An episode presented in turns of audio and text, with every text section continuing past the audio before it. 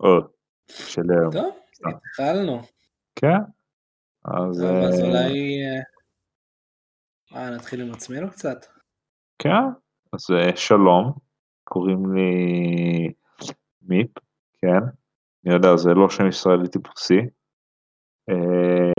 אני מהמרכז, אה, בן 21, וזהו, אחר כך אנחנו פשוט נסביר על תחביבים, אתם תבינו בהמשך הפודקאסטים אני מניח. אה, בוא תציג את עצמך. אני? כן? טוב, אז אני בייקן, שזה גם שם בדוי מאלף ואחת סיבות. אני בן 18, אני חייל כבר שמונה חודשים, משהו כזה. ואני נטחן רצח, מה אני אעשה? ופשוט חשבתי לעשות פודקאסט כזה סתם, להעביר את השביזות והזמן.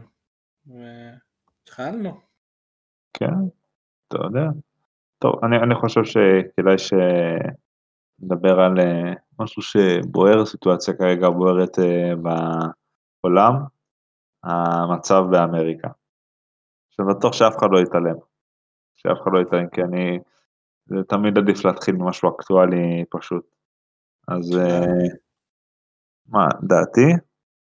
זה שיקרה. מאוד, זה מאוד מעניין. זה, זה כאילו זה... זה מעניין איך כל צד יסתדר עם זה, עם עצם העובדה שכל אחד חי בעולם משלו. וברגע שיש התנגשות בין שתי עולמות שהם לא מחוברים בכלל, אז כאילו זה... החיכוך הזה זה... זה הופך למ- וגדל למשהו שיותר מסוכן. ואני נהנה מזה, כמה שזה נשמע קצת פסיכופת, אני נהנה מזה. זה בשבילנו, זה מצחיק, רק מקווה, כי אני אגיד לך מה, ישראל היום, היא הגיעה למצב שהיא כנראה לא, שהיא היא הרבה יותר דינמית, שהיא יכולה היפותטית היום להחליף בעל, בעלת ברית, כי יש לה קודם כל כוח וסיבה למה ירצו אותה, קודם כל מעצמה אזורית, שזה כל נראה לי מעצמה שפרקטית חושבת עם עצמה אם שווה לה בעלת ברית אזורית היא תעדיף אותנו. או את הטורקים או את האיראנים, אחד מהשלוש, מהשלישייה, ואני לא אהיה מופתע, והכל גם משתנה עכשיו, כי טורקיה ואיראן רוצות לעמ- לעמוד בפני עצמם כבודדות, מכל אחת מהסיבות שלה. אה, כללי, ארה"ב הסיטואציה לדעתי הרבה יותר עמוקה, זה כאילו זה בכללי כל הנושא הזה של המאבק בין הפרוגרסיבים לשמרנות, שהוא התחיל בשלושים שנה האחרונות לדעתי, שהוא נהיה ממש משמעותי. כי לפני כן זה היה הרבה יותר אה, בצללים, נקרא לזה העולמות האלה. אה, כי פעם שמרנו מן הסצנה זה יותר דומיננטי, מה זאת אומרת? בצללים, כאילו... שכאילו היא לא הייתה כזאת חזקה, כי נגיד העולם הפרוגרסיבי, עד שנות ה-90 הוא לא היה, הקולות הפרוגרסיביים לא היו כאלה חזקים. לא היה לך, גם הסוציאליסטים והאלה שהיו אז, הם לא היו, הם היו מאוד מאוד שונים במהות שלהם. הם מאוד, כן, מאוד, אני בדיוק. שמתי לב שיש הבדל משמעותי בין ה- האיפים של ה-60 וה-70 לפרוגרסיבים של היום. גם, אבל, גם, ה- אבל אני יותר מעוניין באיך הגענו למצב כזה, שהשמאל שכל הזמן תמך בחופש הביטוי, שוויון, אה, פציפיזם, של- הגיע למצב שהוא שמאל פרוגרסיבי אקטיבי שמשתמש בדרכים די אלימים בשביל להשיג את המטרות שלו. לדעתי יש כמה סיבות. קודם כל זה מתחיל מזה שהצד השמאלי הוא לא אף פעם יותר מדי רגוע. בואו לא נשכח, האיפים הם אה, החריג בסיפור הזה. צריך לזכור שנגיד בשנות ה-30 היה לך בגרמניה ואיטליה ובעוד כמה מדינות את ההתחלה של אנטיפה, את ההתחלה או את הפלוגות ה... של המפלגות הקומוניסטיות, שבעצם הם נלחמו עם פלוגות של המפלגות הלאומניות או הפשיסטיות כמו בגרמניה, ובדרך כלל פשוט הלאומנים כיסחו אותם כי היה להם יותר אנשים שהוא בגדודים שלהם, אתה יודע, יתרון מספרי. וגם כי, הקומונ... כי הקומוניזם גם במדינות קומוניסטיות, או לא, הפרוגרסיביות, מדינות קומוניסטיות, לא יותר מדי נתפס בעין יפה. כאילו הם, הפרוגרסיבים די היו הראשונים שהעיפו אותם מהשלטון בכמעט כל אה, מדינה פרו, אה, קומוניסטית שהייתה. נגיד בברית המועצות, היא מאוד מאוד הפכה להיות גרסה פשוט סובייטית, גרסה קומוניסטית של רוסיה הצארית, מאוד מהר. אותו דבר בקובה למשל. נגיד ש... מה שאתה מתכוון זה לזה שהם כמו מה שנקרא באנגלית useful idiots. כן, הם אידיוטים שהם חבר'ה שהם מאוד... אה, הם מאוד, אני, אבל אני אסביר לך מאיפה זה מגיע, זה מגיע מתוך האידיאליזם של אה, נעורים, ובאופן ספציפי זו תופעה שהיא דווקא מאפיינת את המאה האחרונה, ויש לה סיבה מאוד מעניינת. אחרי, ה... בדעתי לפחות, אחרי אה, קופץ קצת אחורה, רוב האנשים יגידו, מה זה, קופצים לאחורה, לא היינו מספיק בשיעורי היסטוריה, לא סיפרו לנו, אבל אה, נעשה קצת סיבור אה, ראש. ב...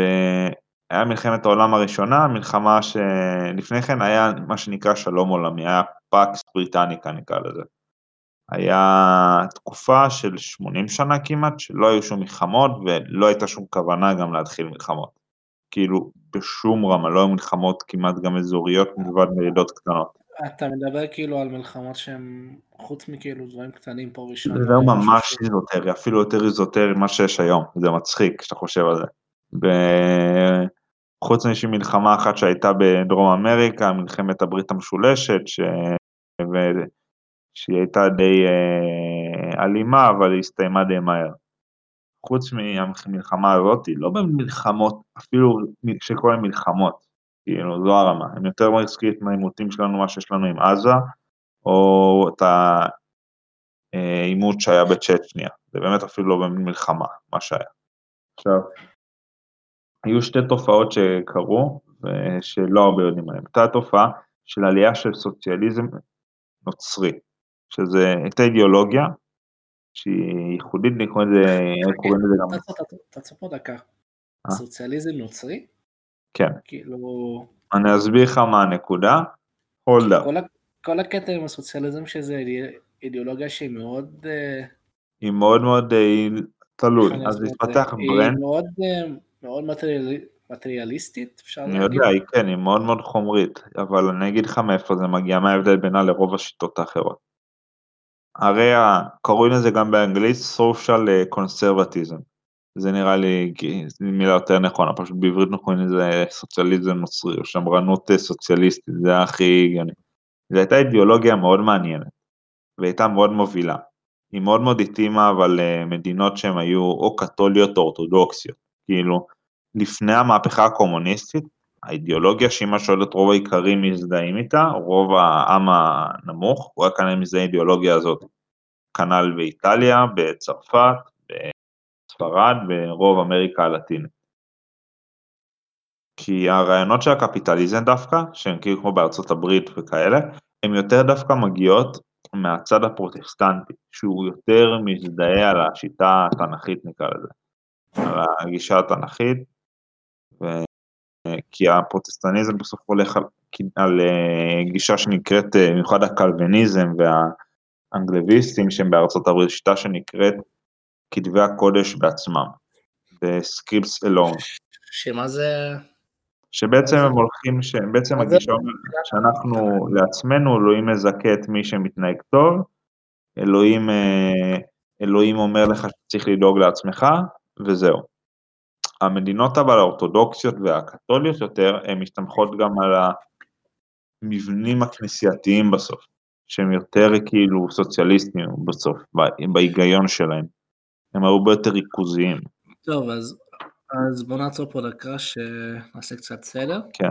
אתה מתכוון שמה שנקרא סוציאליזם שמרנים, אז מה שזה גרם לעלייה? שזה... לא, זה, זה, זה, אוקיי. שזה נובע מ... מהפרוטסטנטים שהיו די פחות מאמינים ב... לא. ב... לא, לא, לא, לא, אני מבלבל, אז אני אעשה סדר.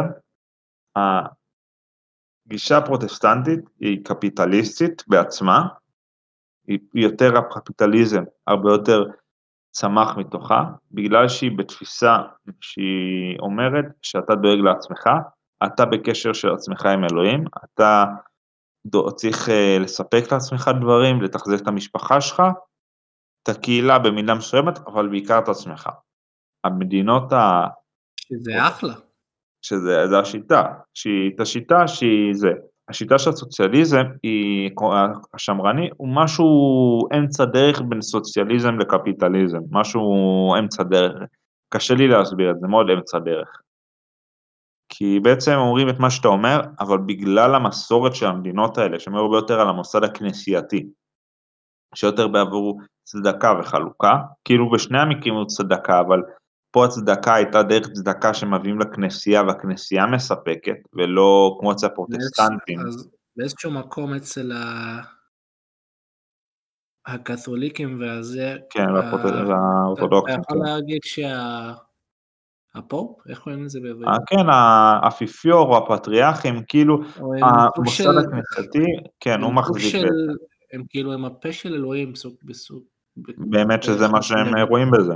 כי הם רואים בזה, הפרוטסטנטים יוצאים מהתפיסה הזאת שלא, אנחנו רק עם הכתבים בלבד ואנחנו לבדנו. אז זה מפה. עכשיו, בסוף מלחמת העולם, הקטע הוא בגלל שזה היה דרך אמצעית, מה...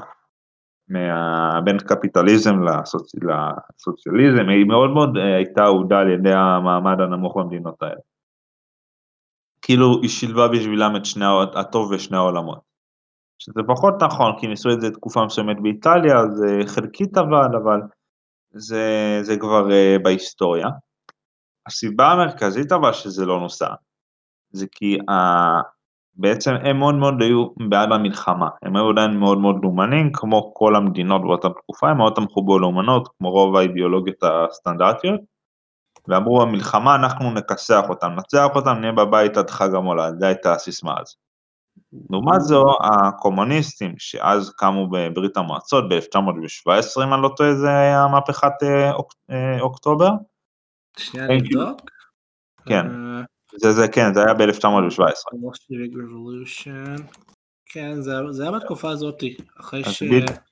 אז בדיוק שם, בדיוק, בדיוק, אז בדיוק אז הם היו מאוד, לא, אנחנו נגד מלחמה, זה גם הם נחתמו על הסכם, אה, על ההסכם, אה, וואי, באחד השם של ההסכם שלהם עם האימפריה הגרמנית, אה? קצת ריבה לגבי הרבולוציה? לא, לא, לא. למרות שהיא נקראת רבולוציית אוקטובר, היא התחילה בנובמבר. היא התחילה בנובמבר, אבל כאילו הניצנים הראשונים שלה התחילו באוקטובר, שזה גם מה שחשוב לזכור, זה הניצנים הראשונים שלה בערים. אז איך, אוקיי. אולי תסתכל שנייה, אבל איך אה, קראו להסכם בין האימפריה הגרמנית לאימפריה, לברית המועצות ב-1917, שהם אה, בעצם... ריטנטור? נראה לי. לא, לא מול, מולוטוב ריבנטרופ. כי מולוטוב ריבנשטופ זה היה עם אה, גרמניה במלחמת העולם השנייה. זה פחות, זה פחות משנה אבל הסיטואציה. פשוט הקומוניסטים היו מאוד מאוד, לא, אנחנו נגד המלחמה ונגד זה. תשמע, כשאתה חושב על זה, העם הרוסי עבר כל כך הרבה חרא בחיים שלו? העם הרוסי אכל הרבה חרא, אבל זה גם כי התוצ... זה כבר נראה שיחה לפעם אחרת, למה זה המבנה של רוסיה וההיסטוריה, ולמה המדינות מתפקדות כמו שהן. עכשיו, טוב. בגלל זה, בסוף המלחמה, בעצם נוצר ההשרשה הזאת של הרבה אנשים הקומוניסטים נגד מלחמה, הם בטח ידאגו רק לנו, לעומת זה הסוציאליסטים רק טובים, אה, הם אה, רוצים מלחמה, אז הם יפגעו בנו. ואז הרבה מאוד מדינות שלא מתועשות, כמו מזרח אירופה, כמו דרום, אמר... כמו דרום אמריקה, היה במזרח אסיה, היה בהם את הרצון פתאום אה, להגיד וואלה זה מה שמתאים לנו, שיטה שכנראה הכי תתאים לנו. אנחנו רוצים את זה, נמאס לנו מהמלכים או הרודנים או whatever שהיה אצלם. כן. עכשיו, השיטה הזאתי, אז משם התחיל בעצם השיטות, זה גם לנו כל הפלוגות צארי, כי בעצם הם התחילו לאט לאט להתחזק בקרב הרבה אנשים, כי אגב, אחת המפלגות, אם על אותה המפלגה השנייה הכי גדולה, בתקופה של היטלר, היא הייתה מפלגה קומוניסטית, כאילו. הם היו באמת, היה להם באמת רצון וכוונה לעלות לשלטון, פשוט במדינות היותר מתועשות היה להם יותר מודעות לאומית. כמו גרמניה, אה. איטליה, צרפת, וזה למה, למה המהפכות הקומוניסטיות לא באמת קרו, לא הם, היה ניסיונות, פשוט מחצו אותם מאוד מאוד מהר, כל פעם. אז כן, אתה יודע, אם אתה מנסה למרוד, זה מה שקורה לרוב, אז בגלל כל הסיטואציה הזאת, בגלל שהגילו כבר שלהם עבר שהם ניסו בעצם, בעצם היו הרבה מאוד אנשים שבשנים האלה ואחר כך זה השריש בהם התודעה, קומוניסטים טובים ידאגו לנו, סוציאליסטים רעים. אנחנו לא צריכים רק סוציאליזם, צריכים קומוניזם, סוציאליזם קיצוני כאילו, זה מה שאנחנו צריכים. זה מה שיעזור לחלשים, זה יחזק, כי זה גם הייתה מאוד פרופגנדה שהייתה באותה תקופה, הסוציאליסטים יעזרו לחלשים, הקומוניסטים יעזרו לחלשים, כל ה... סליחה. תזכה לחיים ארוכים. אה, לא, תודה. אני אוותר. כן, כן. אז אה, בזמן, אז בקיצור זה יצר את התודעה הזאת של האנשים, היו גם מפלגות סוציאליסטיות אחרות, זה פחות עבד אצלם, כמו שלושת החצים בגרמניה ועוד כל מיני אחרים, אחרות. בסוף, בסוף, בסוף זה הגיע לגלגול שלנו, שזה עדיין נשאר בתודעה של האנשים, סוציאליזם טוב, סוציאליזם עוזר לחלשים. זה כן. כאילו, כשמסבירים את זה בצורה מאוד מאוד מאוד פשטנית, אתה אומר בעצם, חלוקה מחדש, זרה לחלשים, כולם יקבלו שווה בשווה, כשאתה צעיר זה נשמע הגיוני. כי אתה כן. בעצם אין לך משפחה, אין לך כלום, אתה, בעבור, אתה עוד בעבור עצמך, ואתה אומר, וואלה, אני רוצה דברים בחינם, במרכאות. כשאתה מתחיל להיות בוגר ואתה... מבין את העולם. אה, יש לך משפחה, יש לך כבר עבודה, אתה פתאום מתחיל להבין שזה פחות ריאלי. אבל יש אנשים שצריכים... אני, אני כזה שונא מיסים, אתה לא מבין. אני יודע, אני מתחיל גם לשלם אותם. למה, למה, שאני של, למה שאני אשלם 100% מיסים על אוטו? זה הדבר אחר. זה סיבה אחרת, כי נשארו חוקים מהמדינה, ולדעתי אם היה פה... תשמע, יש לנו, זה נושאים כבר נראה לי או יותר מאוחר, או ש... זה. נמשיך. כן, כן, נמשיך קצת, עוד פעם אחרת, כי זה הרבה להשלים, זה הרבה חורים בהשכלה לאנשים לצערנו. שאגב, אם אתם רוצים דוגמה מודרנית לכמה חוסר, אה, כמה זה מושרש אצל אנשים החוסר היגיון הזה, שזה גם מערכת החינוך שלנו מסבירים את זה, היה ב-2017, תקופה שאני עשיתי בגרות, אה, בגרות האזרחות הייתה שאלה מאוד מעניינת, שדיברה על אה, יבוא דגים. שהרי הממשלה רצה להוריד מכסים ליבוא דגים, ושאלו אנשים למה, אם, זה, מש, אם זה מהלך סוציאליסטי או מהלך אה, קפיטליסטי, ואסביר למה. אני הבנתי קפיטליסטי, אבל רוב האנשים במדינה, כאילו רוב מוחץ של האנשים, רוב המוחץ של התלמידים באותו, באותה בחינת בגרות, רשמו שזה מהלך סוציאליסטי, כי בעצם מלמדים אותך הקומוניזם, הסוציאליזם, זה כאילו קפיטליזם, זה רק בעבור רווחים ומיסים נמוכים, ושלא לדאוג לאף אחד חוץ מעצמך, והסוציאליזם זה אותו דבר רק עם חמלה, אנחנו עוזרים לאנשים, מספקים להם רשת ביטחון, לא מספ... אבל לא מספרים למה, איך זה קורה, למה, מאיפה זה מגיע. אז uh, באותה בחינה, כן. בגלל שרוב האנשים בעצם אמרו שזה מערכת סוציאליסטי, משרד החינוך נאלץ לקבל לזאת את התשובה הנכונה. אבל זה לא מסוכן לעשות את זה. זה, לא... זה מאוד מסוכן, זו גם הסיבה שיש לך, שרוב המפלגות במדינת ישראל, חוץ משתיים, הן סוציאליסטיות. רק, אפילו, אני לא יודע, פשוט, אפילו שלוש אפילו, כי גדעון סער הוא אמור להיות גם. תכלס הליכוד בערך אמור להיות, בלי הוועדים קצת קשה לי עם הוועדים כרגע לפעמים, ימינה, ו... וקראו לזה תקווה חדשה, כן, תקווה חדשה, של גדעון סער, נראה לי לפחות. טוב. כל, שאר המפלגות הן מפלגות, אני קורא להן אה, אה, מרכז, אה, מרכז שקר כלשהו, כי הן הולכות על אותו המנטרה בסוף, אותו דבר בדיוק, כאילו. אין באמת הבדל בין כחול לבן ל... יש עתיד, לישראלים, לוואטאבר, הם עומדים בסוף על אותו דבר והם יעשו אותו דבר, בעצם, לדעתי, הם, הם החייאה של קדימה סלש העבודה, לא משהו מעבר. עכשיו,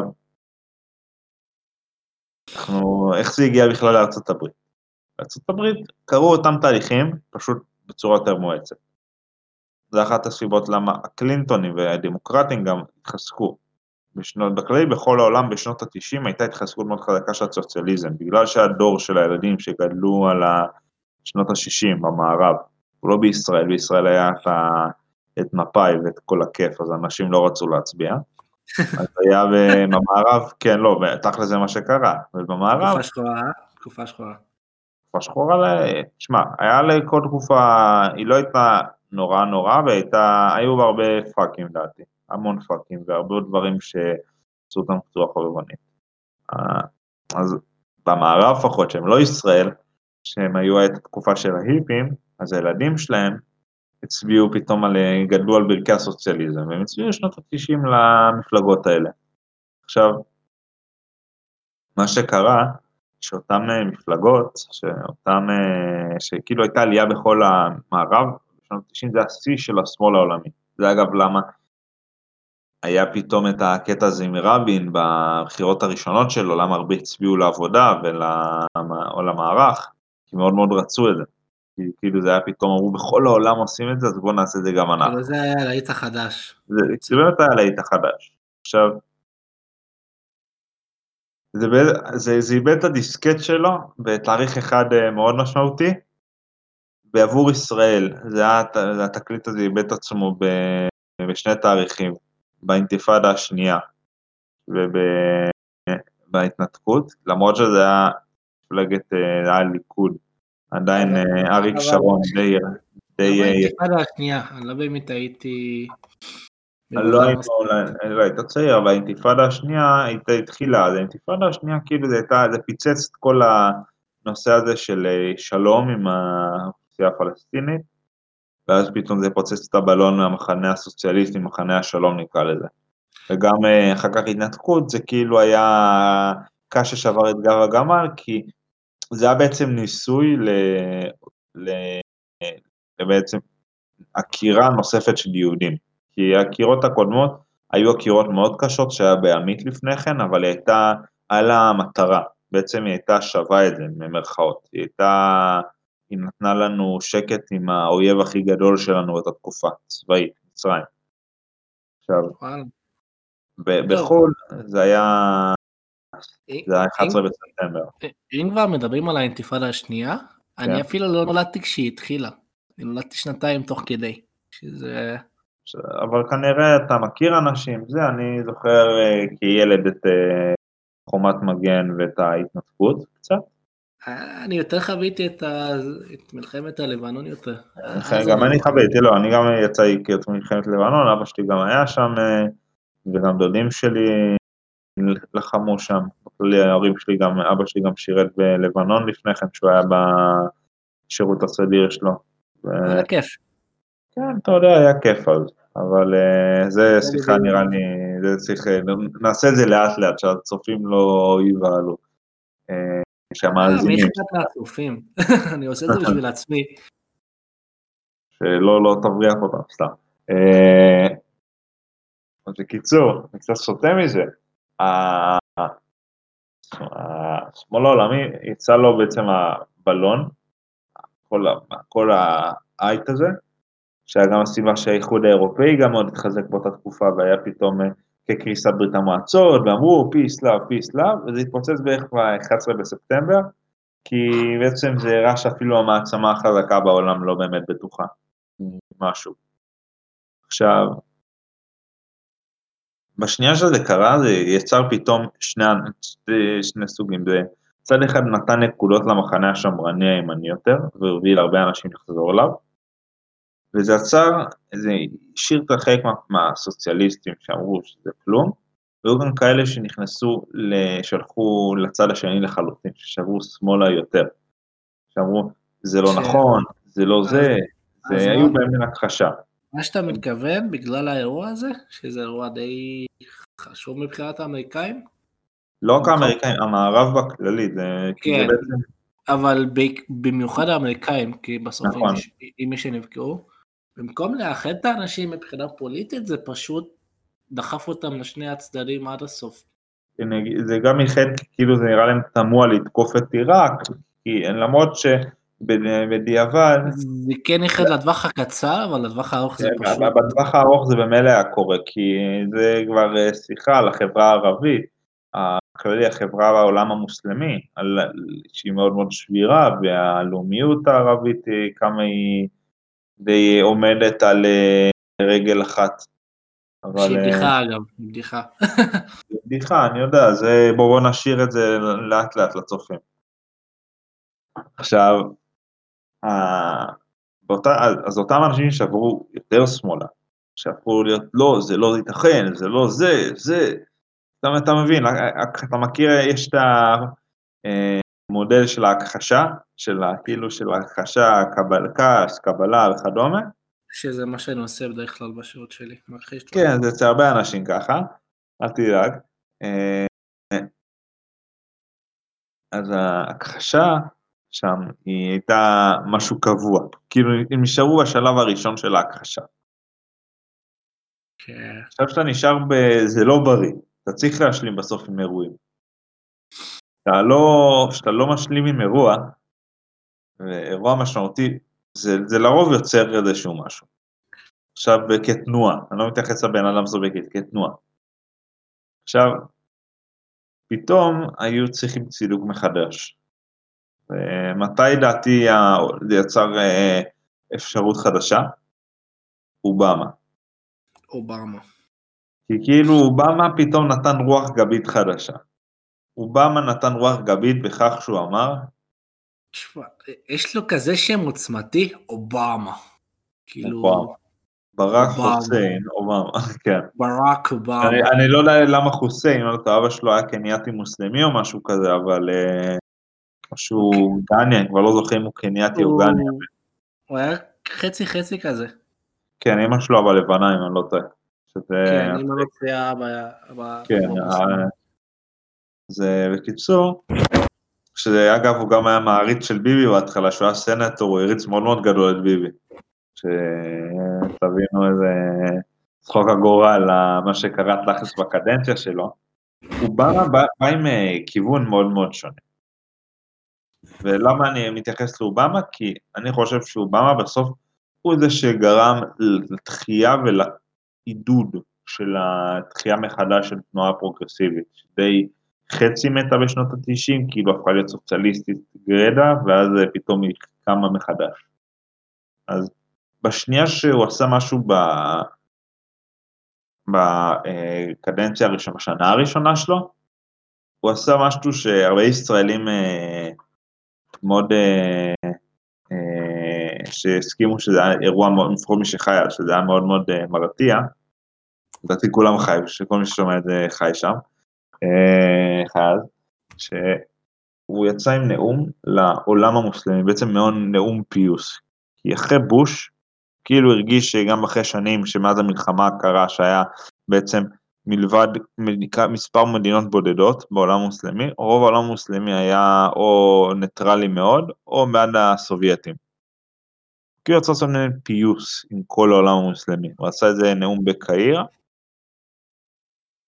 והקטע הוא שמאיפה זה שזה בנאום הזה, שזה גם מעניין ישראל, הוא לא הזמין גם, הוא, לא, הוא, לא, הוא כאילו לא בא אחר כך לבקר בישראל. שזה מצחיק, כאילו, קהיר זה, הוא לא בא אחר כך גם לעשות איזשהו ביקור. זה הביקור הנשיאותי הראשון שלו, שלרוב אם אתה מבקר במזרח התיכון, אתה מבקר בכל הבעלי ברית. הוא ביקר רק בקהיר, באותו ביקור. עכשיו, אותו גם, אה, אם אני לא טועה, מנחם ברנע, אם אני לא טועה, הוא זה שראיין אותו אחר כך, הוא הסכים לראיין אותו מידיעות האחרונות.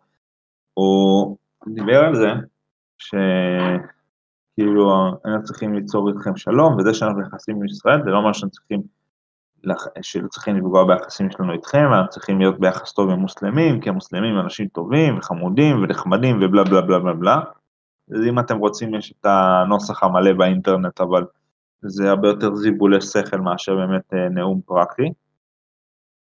עוד דעתי.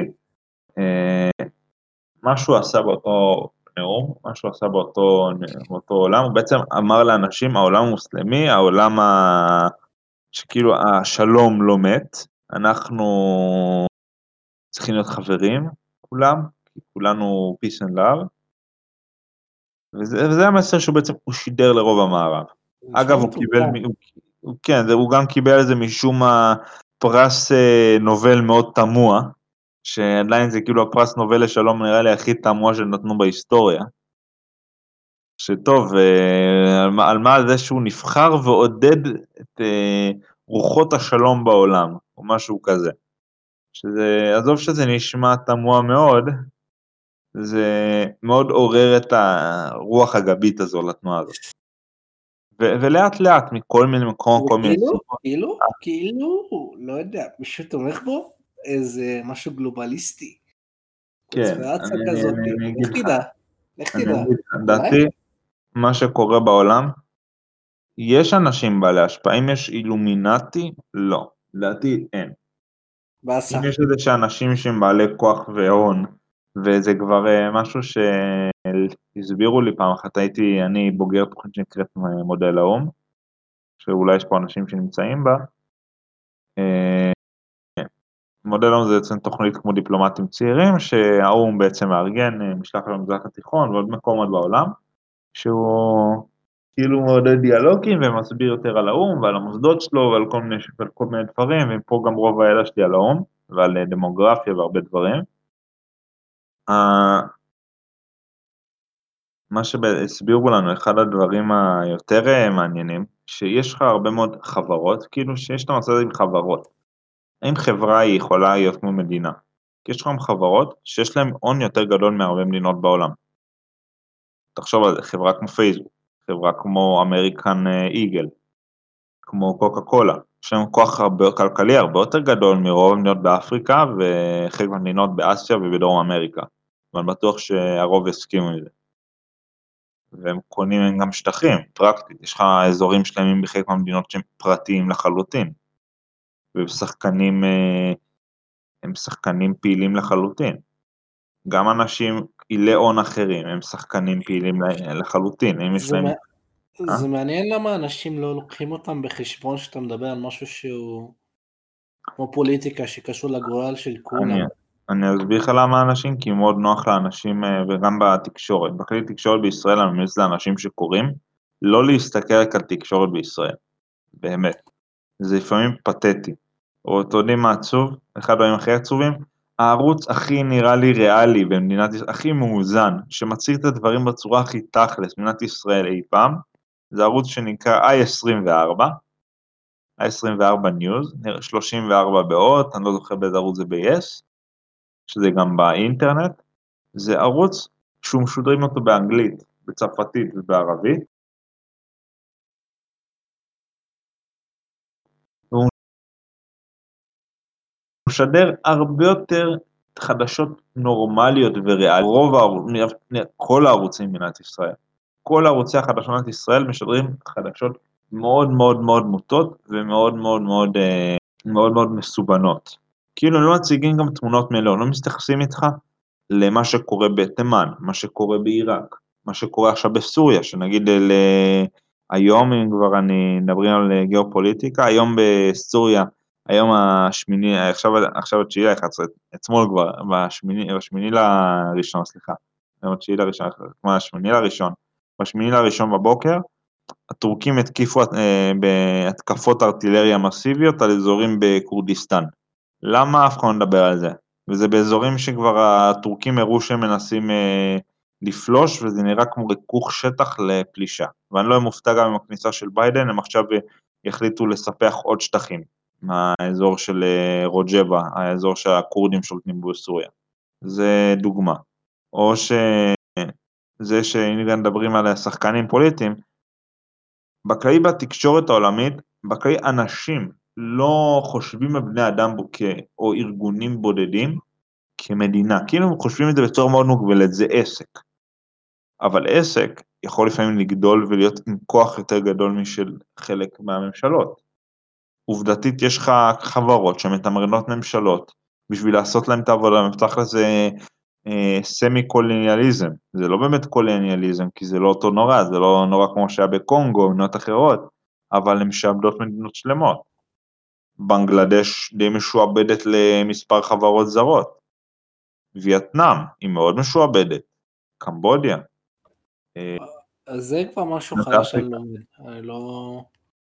כאילו לא, לא הסתכלתי על זה בהיבט כזה מורחב, אני כן הבנתי שיש השפעה לכל החברות הפרטיות, אבל לא, לא עד כדי כך.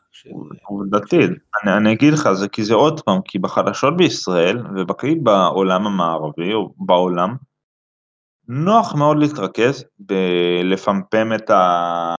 מה שמביא הכי הרבה רייטינג. אה, תראו, יש משהו בקפיטול, אנשים uh, הולכים עם uh, uh, קסדת וקינגים ומסתערים לתוך, לתוך בניין הקפיטול. כמה זה באמת, זה משפיע מאוד, ואני על זה עוד שנייה. אבל למה לא מדברים באותה התרגשות על זה שעכשיו ישראל העבירה כמות מאוד מאוד גדולה של טילי פטריוט לאזור אילת, בגלל שהם מפחדים מפלישה כלשהי של האיראנים, מניסיון איראני להגיע דרך החות'ים בתימן, להעביר עם ספינות טילים, עם דברים מסוימים לחוף של אילת, להפציץ. למה לא מדברים על uh, הפצצות שבסוריה ביומיום, שעל כמות ההפצצות שאיתה השבוע הייתה כמות מפלצתית ביחס לשבועות קודמים, אנחנו לא נדבר על זה. על זה שעכשיו איראן מאיימת על ישראל המון המון איומים בשבוע האחרון, בצורה מאוד מאוד מוגזמת, בגלל שפתאום ביידן עולה עכשיו לשלטון בארצות הברית. על זה שהטורקים חותרים אה, נגד המצרים והצרפתים בלוב ומנסים להשתלט על לוב ועל שדות הנפט שלה. על זה אפילו משהו יותר אה, מעניין אצל רוב האנשים. על זה שיש מדינות באירופה שמדברות על פירוק של האיחוד של האירופי, כי הוא לא בעצם, הוא בעצם לא הצליח אה, לתמוך במדינות האיחוד בצורה ריאלית במגפת הקורונה. בעצם הוכיח, המגפה הוכיחה את ה... החולשה שלו, את החוסר היכולת שלו לתמוך ב, ולעזור ל, למדינות החברות. האירופי הוא כזה גרוע? אני לא מבין, כאילו... אני אגיד לך, זה קולות שהיו גם לפני כן שם, אבל זה... בכללי הקורונה, היא לדעתי הרבה יותר חשפה בעיות שהוא מתחת לשטח, מאשר באמת היא, היא לא, פחות גרמה, יותר חשפה בעיות. זה אנשים לא מבינים, הבעיה עם החובות בישראל זה בעיה שהיא קיימת שנים. הבעיה של הנשק במגזר המוסלמי הוא כבר שנים. הנושא הזה של אה, חוסר ציות של חלק מהמגזרים במדינת ישראל זה משהו שהוא קורה שנים כבר, זה לא משהו חדש, זה שבמדינת ישראל 30% לא מצביעים, זה גם שנים. שזה אגב, אם אתם לא מצביעים, לכו להצביע, ויש לכם זכות הצבעה, לכו להצביע מיד, אתם אה, דופקים את כולנו. אתה מבין? זה כאילו אין... להצביע זה חשוב, להצביע זה כן חשוב. זה מאוד חשוב, אני יודע, חבל שאנשים לא מבינים את זה. כל עוד זה לא ערבים, אז ביבי הוא לא מרוצה. כן, לא, זה גם כאילו, גם מי שלא אוהב את ביבי, זה לא באמת משנה לי. אם אתה רוצה שהמדינה תתקדם ותעשה משהו... אבל נכון, זה בסוף... אה, זה בסוף אנשים שוכחים שמנדט זה היכולת שלך אתה בעצם נותן לבעלי ההחלטות, לבעלי ה... בעלי ה... בעלי ההחלטות, מה אני דוגל? שהם אה, מקבלי החלטות, שהם אה, יעשו בשמך את הפעולות של המדינה, במקום שאתה תתעסק בנוסף לעבודה שלך, בהחלטות הרות גורל של המדינה. אתה, זה מה שהיו עושים באתונה נגיד, באתונה היו, או, ב, או באתונה הקלאסית, או בחלק מהקולוניות היווניות, זה מה שהיו עושים. שהיו פשוט כל העם, או לכל האזרחים, היו מתיישבים בגבעה, היו מדברים על ההחלטות היום, פעם בשבוע, וזהו. או שנגיד ב, בתקופת בית שני של חמן אה, משהו אחר, סנהדרין, שבעצם, אגב הרבנים, מקצוע הרב, הרבנים התחילו דווקא כמעין פקידים בצורה כזאת או אחרת, או בחכמים שהם היו גם מעין פקידים, והסנדרין היה בעצם סוג של פרלמנט בנקודה מסוימת, עם אה, אב בית דין שהיה כמו יו"ר הקואליציה, אה, יו"ר האופוזיציה ונשיא שהיה יו"ר הקואליציה, שזה משהו אגב מאוד מעניין. אה, אנחנו כאילו כבר סוטים מהנושא של ארה"ב, כי ארה"ב בסוף הסיבה שהגיעה למצב הזה, זה מתוך שהקולות האלה, שהאלה התחילו בתקופה של אובמה, שהתחזקו, שפתאום נהיה הצדק החברתי, שפתאום נהיה נושא של עוד פעם, תקווה לשלום בכל מחיר, עם כולם, אנחנו אוהבים את כולם, כולם שווים, כולם זה, כולם זה. זה גם התחיל להתאים בצורה חלקית עם התנועה ההומוסקסואלית, אבל uh, פחות. זה שזה את ההשפעה שלה, אבל היא... זה לקח את זה לאקסטרים, גם התנועת הפרוגרסיביות. נכון. וזה היום פשוט מתפוצץ לכולם בפנים. זה, זה פשוט מה שזה קורה, זה, זה דברים שהוא מתחת לשטח, רכשים שהוא מתחת לשטח. דעתי באופן אישי, זה משהו שהוא תהליכים שהם קורים בכל ציוויליזציה גדולה, אם תראה את זה היסטורית, ברומא, באימפריה הרוסית, באימפריה הבריטית, באימפריה הצרפתית, אה, סליחה, בצרפת, לפני האימפריה הצרפתית של נפוליאון. עוד אה, אימפריות גדולות, שהיו לך מהפכות. בעצם היה איזשהו שלב מסוים שהיו איזה שתי מלחמות אזרחים, היה מלחמת אזרחית או ראשונית או שנייה או קטנה יותר, ומלחמת אזרחים משמעותית יותר, שהיא בעצם משנה את האופי של אותה מדינה בצורה מסוימת. כמו שהיה באנגליה עם אה, ה-commonwealth של of אה, Britain, שזה היה איזשהו מעין semi אה, ריפובליקה מוזרה כזאת עם לורד קרומוול, היה לך את מהפכה, מהפכת אוקטובר ברוסיה, המהפכה הצרפתית, היה לך דברים, וכאילו, זה יכול להגיע לזה בארצות הברית, אבל לדעתי זה לא יגיע, בגלל שבהנחה והצבא לא יעשה משהו שטותי, הצבא נתפס בארצות הברית כגוף הכי אמין. כאילו, כולם מכבדים אותו, וגם מי שלא, וגם מי שלא מכבד, אין, הוא לא ינסה להתנגד אליו, כי הוא ימות. חבל שפה זה לא כזה כך. אני, אני אגיד לך, פה זה ישראל זה כבר אה, נושא של אה, גיוס חובה, ושהנושא הזה שהרבה חיילים הם חיילים אה, שלא באמת צריך בנקודה מסוימת, שהם הרבה יותר מגייסים לצורך גיוס ולצורך ש... באופן אישי אני חושב שהשיטה שהכי תתאים לנו זה השיטה שיש באוסטריה, או השיטה שיש ביוון לדוגמה, שזה הרבה יותר מבחינת הגיוס חובה, שיהיה גיוס חובה לכולם לאיזה חצי שנה עד שנה, לפי התקופה שאתה מדינה תחליט, שלימדו רובעי 0.5, לא צריך גם באותה רמת כושר, אבל שידעו לראות לפחות ברמה של 0.5 ורמת כושר סבירה. ומי שלא יכול פיזית ויש לו בעיות פיזיות רציניות, פשוט לא יגייסו אותו, כי זה לא יעזור בכל מקרה במלחמה. תשמע, הוא יכול להיות איזה... יכול להיות ג'ובניק, אבל כאילו זה פחות, אני אומר... משק מטרות בשלישות, אתה יודע. אבל לא, הרבה, הרבה מקצועות כאלה, אתה יכול פשוט להעביר אותם למשרד הביטחון. דוגרי, שלישות, רוב המודיעין, מה הבעיה שהם פשוט שהם ישבו על אזרחי במבנים של משרד הביטחון? זה הרבה יותר יעיל, הרבה יותר נכון, ותפקד בצורה הרבה יותר פשוטה. זה פשוט אה, לפעמים, לדעתי אחרי השנה הזאת, פשוט... כן, אבל, אבל אם אתה עושה את זה, אז מה נשאר לבנות ולאשכנזים לעשות, אתה מבין? למה נשאר? לבנות ולאשכנזים. שמע, הן יכולות, אה, קודם כל, ימצאו מה לעשות. נגיד תצפיתניות יש. שמע, אבל ג'וקס אה, אסייד, רוב הבנים, אני מניח, בנייה די פטריוטית. כאילו בשנייה שלא יעשו גם מהגיוס חובה מסחרה, אתה תראה הרבה מאוד אנשים שירצו כן להתגייס, אם ייתנו להם פתאום שכר של 8,000.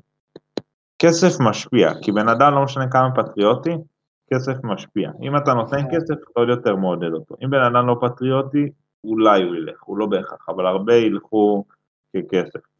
למה אני מקבל 1,100 שאני נטחן כמו לוחם? למה? אתה יכול להסביר לי? יכול... דברים קשים, מציאות קשה, אין לי מה לומר. זה נטו רובעי, אתה מבין? אה, לא, זה, זה רובעי, כי השיטה גם בצבא היא מגוחכת לפעמים. כי זה גם, גם היום זה היה מגוחך, כאילו, אתה... בכללי זה יותר קשור לסיטואציה באיו"ש, למה יש שם כזה הרבה אנשים, לדעתי אם גם יפתרו את הסיטואציה הזאת, תוכל באמת להוריד גם, כבר עכשיו אתה יכול להוריד רוב את כמות גדולה של אנשים, חצי מהאנשים בצבא אתה יכול היום לחתוך את הצבא בחצי ולא יקרה כלום, האמת. כאילו, ממש כאילו יש הרבה אנשים בצבא שאתה באמת לא צריך, שפשוט יושבים בצבא ובזבזים כסף, במקום שיעבדו אשכרה יעשו דברים. כי לדעתי אחרי שנה זה, זה מאבד את הפואנטה שלו. אחרי שנה זה כאילו, אתה, אתה לומד, אתה, אתה, אתה חווה בגרות, אה, אתה לומד אה, להתבגר, אתה מתבגר, כן, ואחרי התקופה... אה?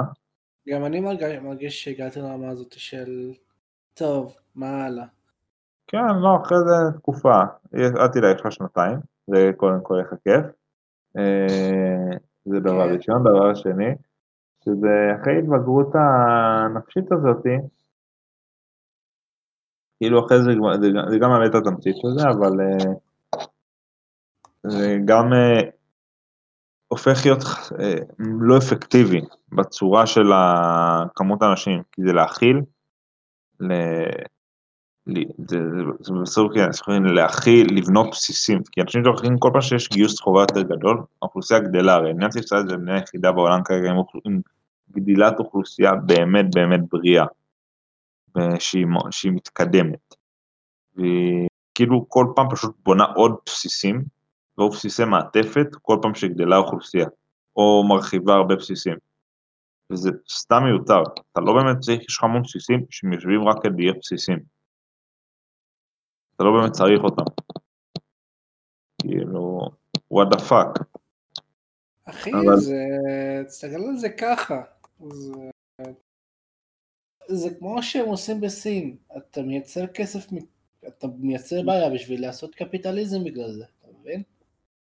שמע, זה לא באמת יוצר קפיטליזם, זה פשוט, זה, זה, זה אם כבר זה השיטה, אה, אני יודע שהצבא זה מערכת היררכית ולא קפיטליסטית ולא שוויונית אה, ולא whatever, זה מערכת סופר היררכית וסופר, אה, ומאוד מאוד מובנית.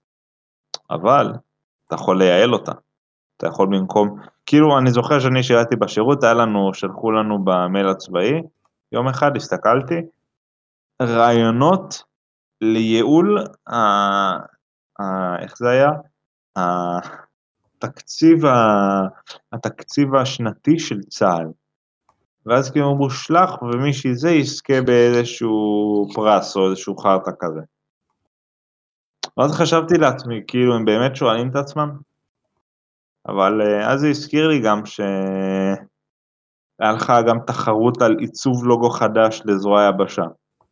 ואז, אה, ואז מי שהיה מקבל על זה, קיבל על זה שבוע רגילה, על מי שעיצב או משהו, ואז זה מה זה היה שטותי.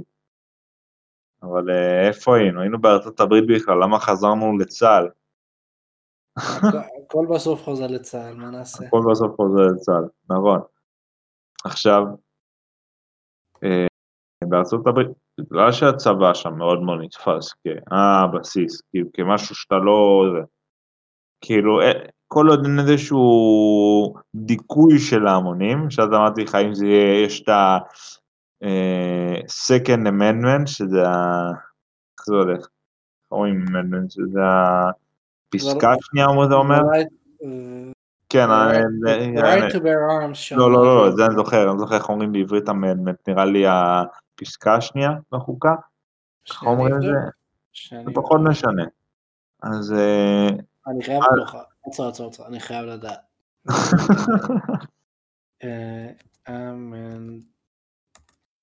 אמנט. טוב. אמנט. עברית. תיקון. אה, תיקון. תיקון. התיקון השני לחוקה אומר בעצם שיכולים להחזיק נשק ובעצם להשתמש בו כנגד אה, עריצות, במקרה של עריצות כנגד האוכלוסייה. שזה אמרתי, אם הצבא יהיה שם במקרה של עריצות, אז אתה תראה מלא אנשים פשוט מסתערים עליהם עם אה, ARים למיניהם, ואקדחים, אבל... אה, וגם הרבה בצבא, אני בטוח שהם אה, לא ירצו להשתתף בזה. עכשיו, כל עוד זה לא המצב, מאוד מעריכים את הצבא ומאוד לא ינסו להתנגד אליו וזה. נגיד, כל, אני מאמין שיהיו עכשיו בארצות הברית, ב, בשנייה שביידן יעלה.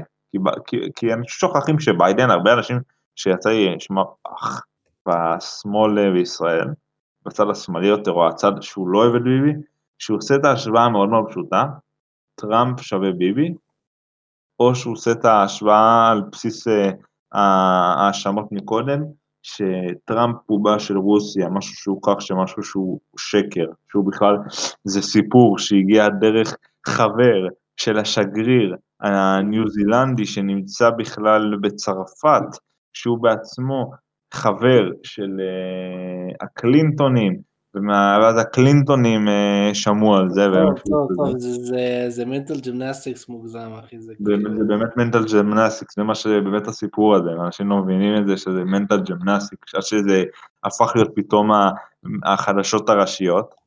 יש לך עוד את הסיפור שהיה לך עם uh, טראמפ, שהוא זה, שהוא מחפיץ נשים והכל וזה, שזה גם מוכח שהוא חלקית אה, ברובו לא נכון. חלקית ברובו הוכח שהוא כבר לא, שהוא לא נכון. או הקטע עם אפשטיין, שהוא היחיד שהוא התנגד לאפשטיין. כל מיני דברים כאלה. וכשאתה מראה את זה לאמריקאי הממוצע, כאילו, שפמפמו את זה ארבע שנים, למה טראמפ רע, למה טראמפ מגעיל, לא, לא, לא, לא, לא, וכל מיני שטויות כאלה, אנחנו סובלים, דיקטטורה שזה לא נכון, רוב האמריקאים החיים שלהם השתפרו בתקופה האחרונה, בכל מה שיצא לי עם חברים אמריקאים שם, והאמריקאי הממוצע שהוא רואה טראמפ, הסביר לי את זה פעם אחת, איך באמת בחירה בין טראמפ לביידן? יש לך, יש בין, בין הרפובליקנים לדמוקרטים, יש לך בחירה בין נשיא לבין עציץ. ומה תבחר? עציץ? כי, כי ביידן, אני לא יודע אם מישהו ראה אשכרה נאום שלו, שהוא לא ערוך על ידי חדשות X כלשהם, שיחפש אשכרה את הנאום המלא שלו ביוטיוב, אחרי איזה 20 דקות, אם הוא מדבר יותר מ-20 דקות, הוא מתחיל לבלבל את השכל. אז זהו, אחרי יותר מ-10 דקות, הוא מתחיל לבלבל את השכל, הוא לא לפעמים יודע איפה הוא, הוא מתחיל להתבלבל מה שהוא אומר, הוא מתחיל להגיד כל מיני שיט. עכשיו, אנשים באמת לא מבינים ש, שהאמריקאי הממוצע רואה שזה מה שנבחר, והיה גם דיווחים, אם מישהו ראה את, ה, את, ה, את ההצבעות באינטרנט, היה שם את הקטע עם פתאום קפיצה בחלק מהמדינות של ההצבעות, ו... כשאמריקאי הממוצע רואה גם את זה, ושפתאום נבחר לו עציץ, שהסגנית שלו היא הבחורה שנבחרה האחרונה בבחירות של הדמוקרטים, פריימריז הדמוקרטים, היא כל כך שנאו אותה, קמלה האריס, ממש שנאו אותה, היא... האמריקאים, אה, יש בחור בשם טים פול, שאני צריך לראות את הפודקאסטים שלו, רק תבואו גם לראות את שלנו, אבל זה פחות. זה על הדרך. אה, אז הוא דיבר פעם אחת שהיא מייצגת את, את העריץ המשטר, את כל מה שרע במשטר, במשטרה. עריץ מגעיל מזלזל, שמשחק רק לטובתו. כאילו, כל מה שאומרים על ביבי, שרק אה, שהוא באמת קורה. זה, זה כאילו מה, מה שקורה, אם אתם רוצים קיסר, זה, זה באמת דוגמה לבן אדם שהוא באופי שלו קיסר. שהוא אם אתה מעלה אותו, הוא, הוא ינסה להיות קיסר. אז אומרים שהאמריקאי המוצר רואה את החרא הזה, כאילו זה חרא, הוא אומר, fuck, זו המדינה שאני הולך לחיות בה, או שאני הולך להשתמש ב second amendment. אני הולך להשתמש ב second amendment, וזה מה שקורה. הוא משתמש ב second amendment, בתיקון השני לחוקה, והוא אומר כוסומו, אני רואה גם, אה, אני, עזוב, שכחתי להזכיר בכלל את הקטע עם ה-BLM, שזה בכלל הפך להיות אה, מגוזם. איך שההפגנות שם, שהפכו להיות לאיך אתה, תחרות איך להרוס את הבתים ולה, ולהעיר אנשים באמצע הלילה כמה שיותר.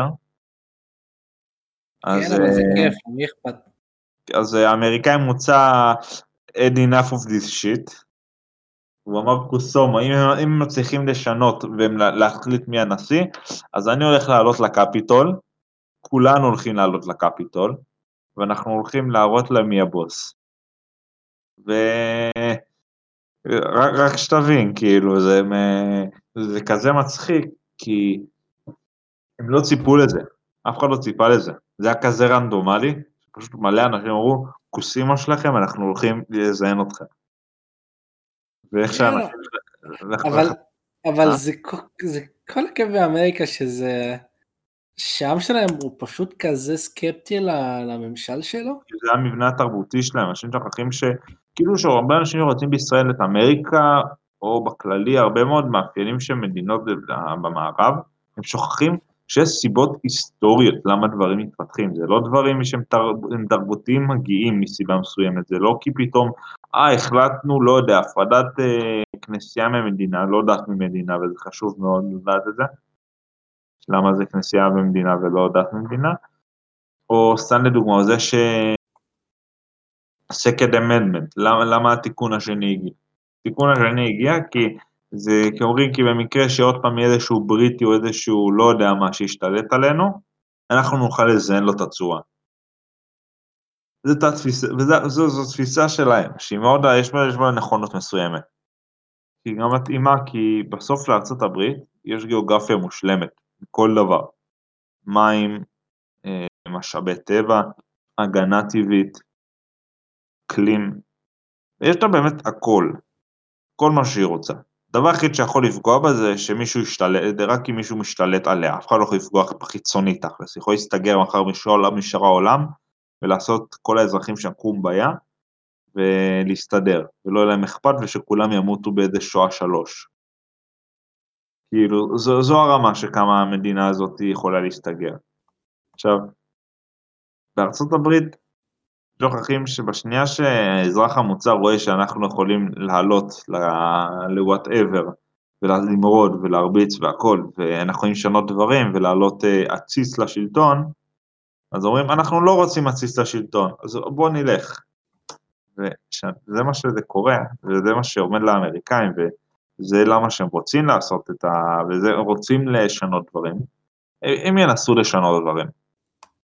אני יצא לדבר לפני איזה יומיים עם אמריקאים, אמרו את זה ככה, שלדעתם ב-21, המתח שנבנה כל השנים האלה, וגם בתקופה האחרונה, כל כך גדול שב-21 או ב-22, אל תפסו אותי במילה, הולכים להיות המון פרעות אלימות, אה, פרעות, המון אה, אירועים אלימים וקרבות אלימים ברחובות. לא ברמה של מלחמת אזרחים, אבל המון קרבות אלימים. כאילו, ברמה של קרבות ירי רציניים ברחוב. שאגב, כאילו- שמי עוקב כאילו אחרי ארצות הברית זה לא כזה נשמע מוגזם, כאילו סיטואציה זה מאוד לא מוגזם, אבל זה לא קרה שם אה, מאז אה, מלחמת האזרחים, כזה אירוע, אל תשכח. אולי, אבל זה, זה כאילו זה... שמע... כאילו, אתה, אתה יכול אם אתה...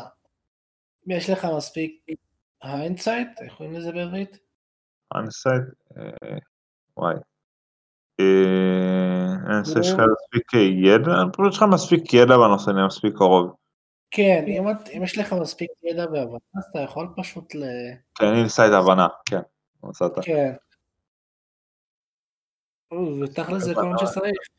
אתה יכול לדמיין את זה, אני יודע, אבל כאילו זה עדיין, אה, זה פתאום נשמע מוגזם בארצות הברית הגדולה, המושלמת, שתגן על ישראל, היא בטח לא יקרה לה כלום, אבל אנשים לא מבינים שזה לא יקרה, זה בדיוק מה שיכול לקרות.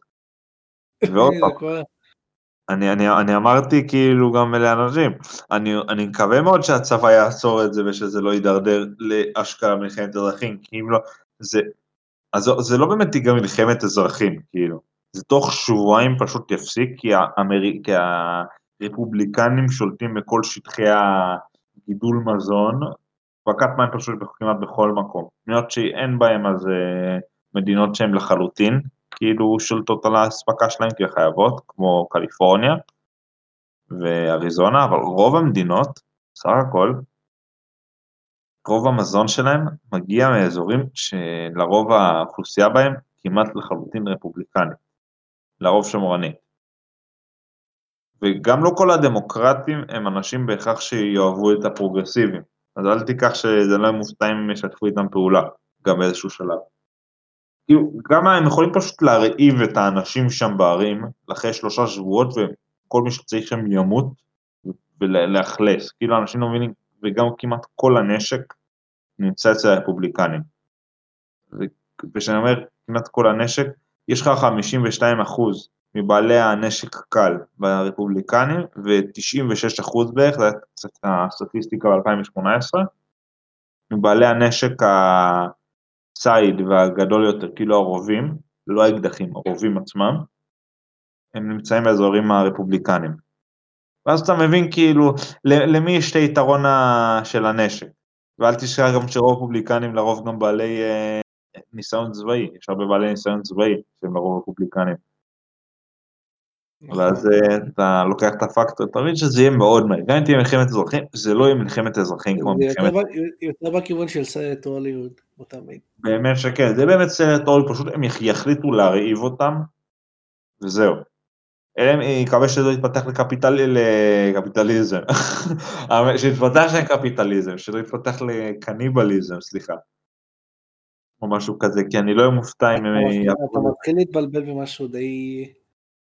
זה, זה השעות, אל תדאג, זה להיות יותר אה, מ-6 בבוקר, לא עושה טוב, סתם. אמ, לא, באמת, בהנחה וזה לא מה שיקרה, פשוט, הם, הם מאוד מהר ייכנעו פשוט. כי זהו, כי אוכל, ובלי אוכל אתה פשוט אין לך מה לעשות, אחרי שבועיים גמרו להם אספקות, משהו כזה בסופרים, אז בהצלחה. דוגמה מאוד טובה לזה זה צ'אז, אם מישהו זוכר את צ'אז, את הקפיטול עיר אותו נמזון, שמה שזה היה ניסיון למדינה שקרס אחרי 12 שעות, או משהו כזה. אתה שמעת על זה בייקון? מה זה? על צ'אז. אה, צ'אז, כן, זה היה... זה היה מצחיק רצח. כן, זה, זה שם גם המנהיג שלהם, למי שמכיר, זה הניסיון בקפיטול היל במדינת וושינגטון, לא בוושינגטון די.סי. בסיאטל שם. היה ניסיון להקים מדינה עצמאית נפרדת מארצות הברית, שהיא שוויונית, חשובה ומגניבה והכל, ופשוט המנהיג שם החליט שהוא שוביניסט מגעיל והכל, וגם פשוט מלא כנופיות אחרות בזזו את השטח ואת המאגרי מזון, והם... והמנהיג שלהם התאבד, והמדינה פשוט קרסה, כי פשוט הכנופיות האחרות החליטו, שזה... זה השטח שלנו, ואז... שזה בקיצור, בעיקרון. כן, ואז, ואז הגיע המשמר האזרחי והסביר להם טוב מאוד ש-This is America, והזדיינו, חברים. ואז הגיע למה שהיה. עכשיו משהו שעוד אה, יפה מאוד אה, לזכור בסיטואציה הזאת שם, שבארצות הברית, יש דבר אחד שמאוד מעניין שלא התייחסו אליו. מי שמנצח בכל הסיטואציה הזאת כרגע, זה הסינים. שזה יראה השחקן שאף אחד לא מדבר אליו אף פעם, כמעט, במזרח, שהוא לא מישהו שקצת חקר באינטרנט. זו הרמה. רוב האנשים לא יודעים שסין היא מדינה הכי חתרנית כרגע בעולם, עם המון השפעה. כל כך הרבה השפעה נכון. שהיא... אה? נכון. בוא בוא תסביר גם אתה, אתה לא מסביר מספיק על הסינים. אתה, כן. תשמע, הם, כזה, אני לא רוצה להגיד רשע, אבל הם כזה, הם סוג של המוזר, כן חכמים ויודעים איך לחזור לדברים, והם באיזשהו מקום הם כן משתמשים ב... הם כאילו הם מתרכזים ב... הם משחקים את זה לטווח ארוך. הם, הם רוצים שסין תהיה המעצמה הבאה ותחזור ל... לכוח, להג'מון שהייתה באיזושהי תקופה? זה בדיוק זה, זה שהסינים הם מסתכלים מאוד שונה, הם חברה שהיא מסתכלת על עצמם ככוורת, יש להם hive mind בנקודה מסוימת, יש להם תודעה של חברה, הם לא מסתכלים על עצמם כאחד, הם מסתכלים, אומרים גם אם אני מת, החברה תשרוד.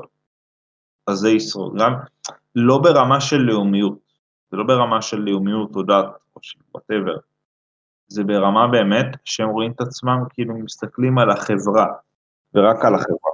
על העם לא הסיני. הם מסתכלים על העם הסיני, ועל סין, הם מסתכלים על, הם קוראים לעצמם, לא קוראים סין, סין זה שם משובש בכלל, על שם אחד האזורים שם. הם קוראים בעצמם, אה, או שהם קוראים לעצמם האן, בני האן, או שהם קוראים לעצמם uh, The Middle Kingdom, ככה הם קוראים לעצמם, כי הם בעצם היו כלכלית מארה"ב לפני ארה"ב. הם אה, כלכלית, הם בעצם רוב המשי, הרבה מאוד סחורות בדרך המשי שעברו, הם הגיעו מקור שלהם מסין. נכון. ואז, ואז כאילו הם היו מרכז כלכלי, כי הם אמרו, אנחנו צריכים, אנחנו מספקים לכולם, אנחנו לא, מה אכפת לנו, כולם רוצים את ההגנה שלנו, אין בעיה, אתם משלמים לנו X, אנחנו מגנים אליכם. על הרבה מדינות שהיו סביבם, והרבה שבטים. אז זו התפיסה שלהם, יש להם תפיסה מאוד מאוד כזאת, וגם הממשל הסיני, הוא, עדיין יש לו את הענייה שנקרא לו ה-mandate of heaven, וכולם, יש משהו בתרבות הסינית שנקרא המנדט השמימי. כן. שהלגיטימציה של השלטון הסיני גם כן. אלוהים. גם לא מילואים, היקום, הם אצלם להם... היקום, סליחה, לא בדיוק אלוהים, הם לא באמת. היקום נותן לגיטימציה לשלטון, וכל פעם שיש איזשהו אסון, בעצם אה, הלגיטימציה שלו יורדת, וצריך ששלטון אחר יעלה. נכון. כי קטע שלהם גם היא תרבות מטמיעה. פשוט תרבות שהטמיעה כל כך הרבה עמים, כאילו גנטית הם בדרום סין במיוחד, זה אזורים מאוד מאוד מגוונים, אתנית תכלס. לא באמת זה עם אחד, זה כאילו יש להם גיוון אתני כמו צדדים אחרים של אירופה, או של צדדים אחרים בצפון אפריקה, זו הרמה. שהם אה, מגוונים אה, כל כך, והם, אה, אבל תרבותית, הם עדיין רואים את עצמם כולם בני האן. זה, זה כמו, הם כולם קצת הרומאים, אבל על אסטרואידים. כאילו כולם רומאים, כולם זה, כולם זה, ואם אתה לא, אנחנו נהפוך אותך לאחד כזה. בין אם אתה רוצה ובין אם אתה לא. אתה תתחיל לדבר סינית, תתחיל להתנסה עם נשים סיניות, אתה תשתמש במנהגים ובתרבות שלנו, אתה תחשוב בסינית, עד שאתה, אתה, וזהו, תהיה סיני. שזה גם, שזה כן. אופציה ב'. כן, או שועבד, שזו אופציה שלישית, שהיא הייתה מאוד נפוצה אגב, וקרתה הרבה מאוד פעמים. או שאתה תהיה אליטה כובשת, ואז אתה פשוט תיטמע לאט לאט. הצאצאים שלך, וזהו. הם כזה המוזר, כאילו... כן.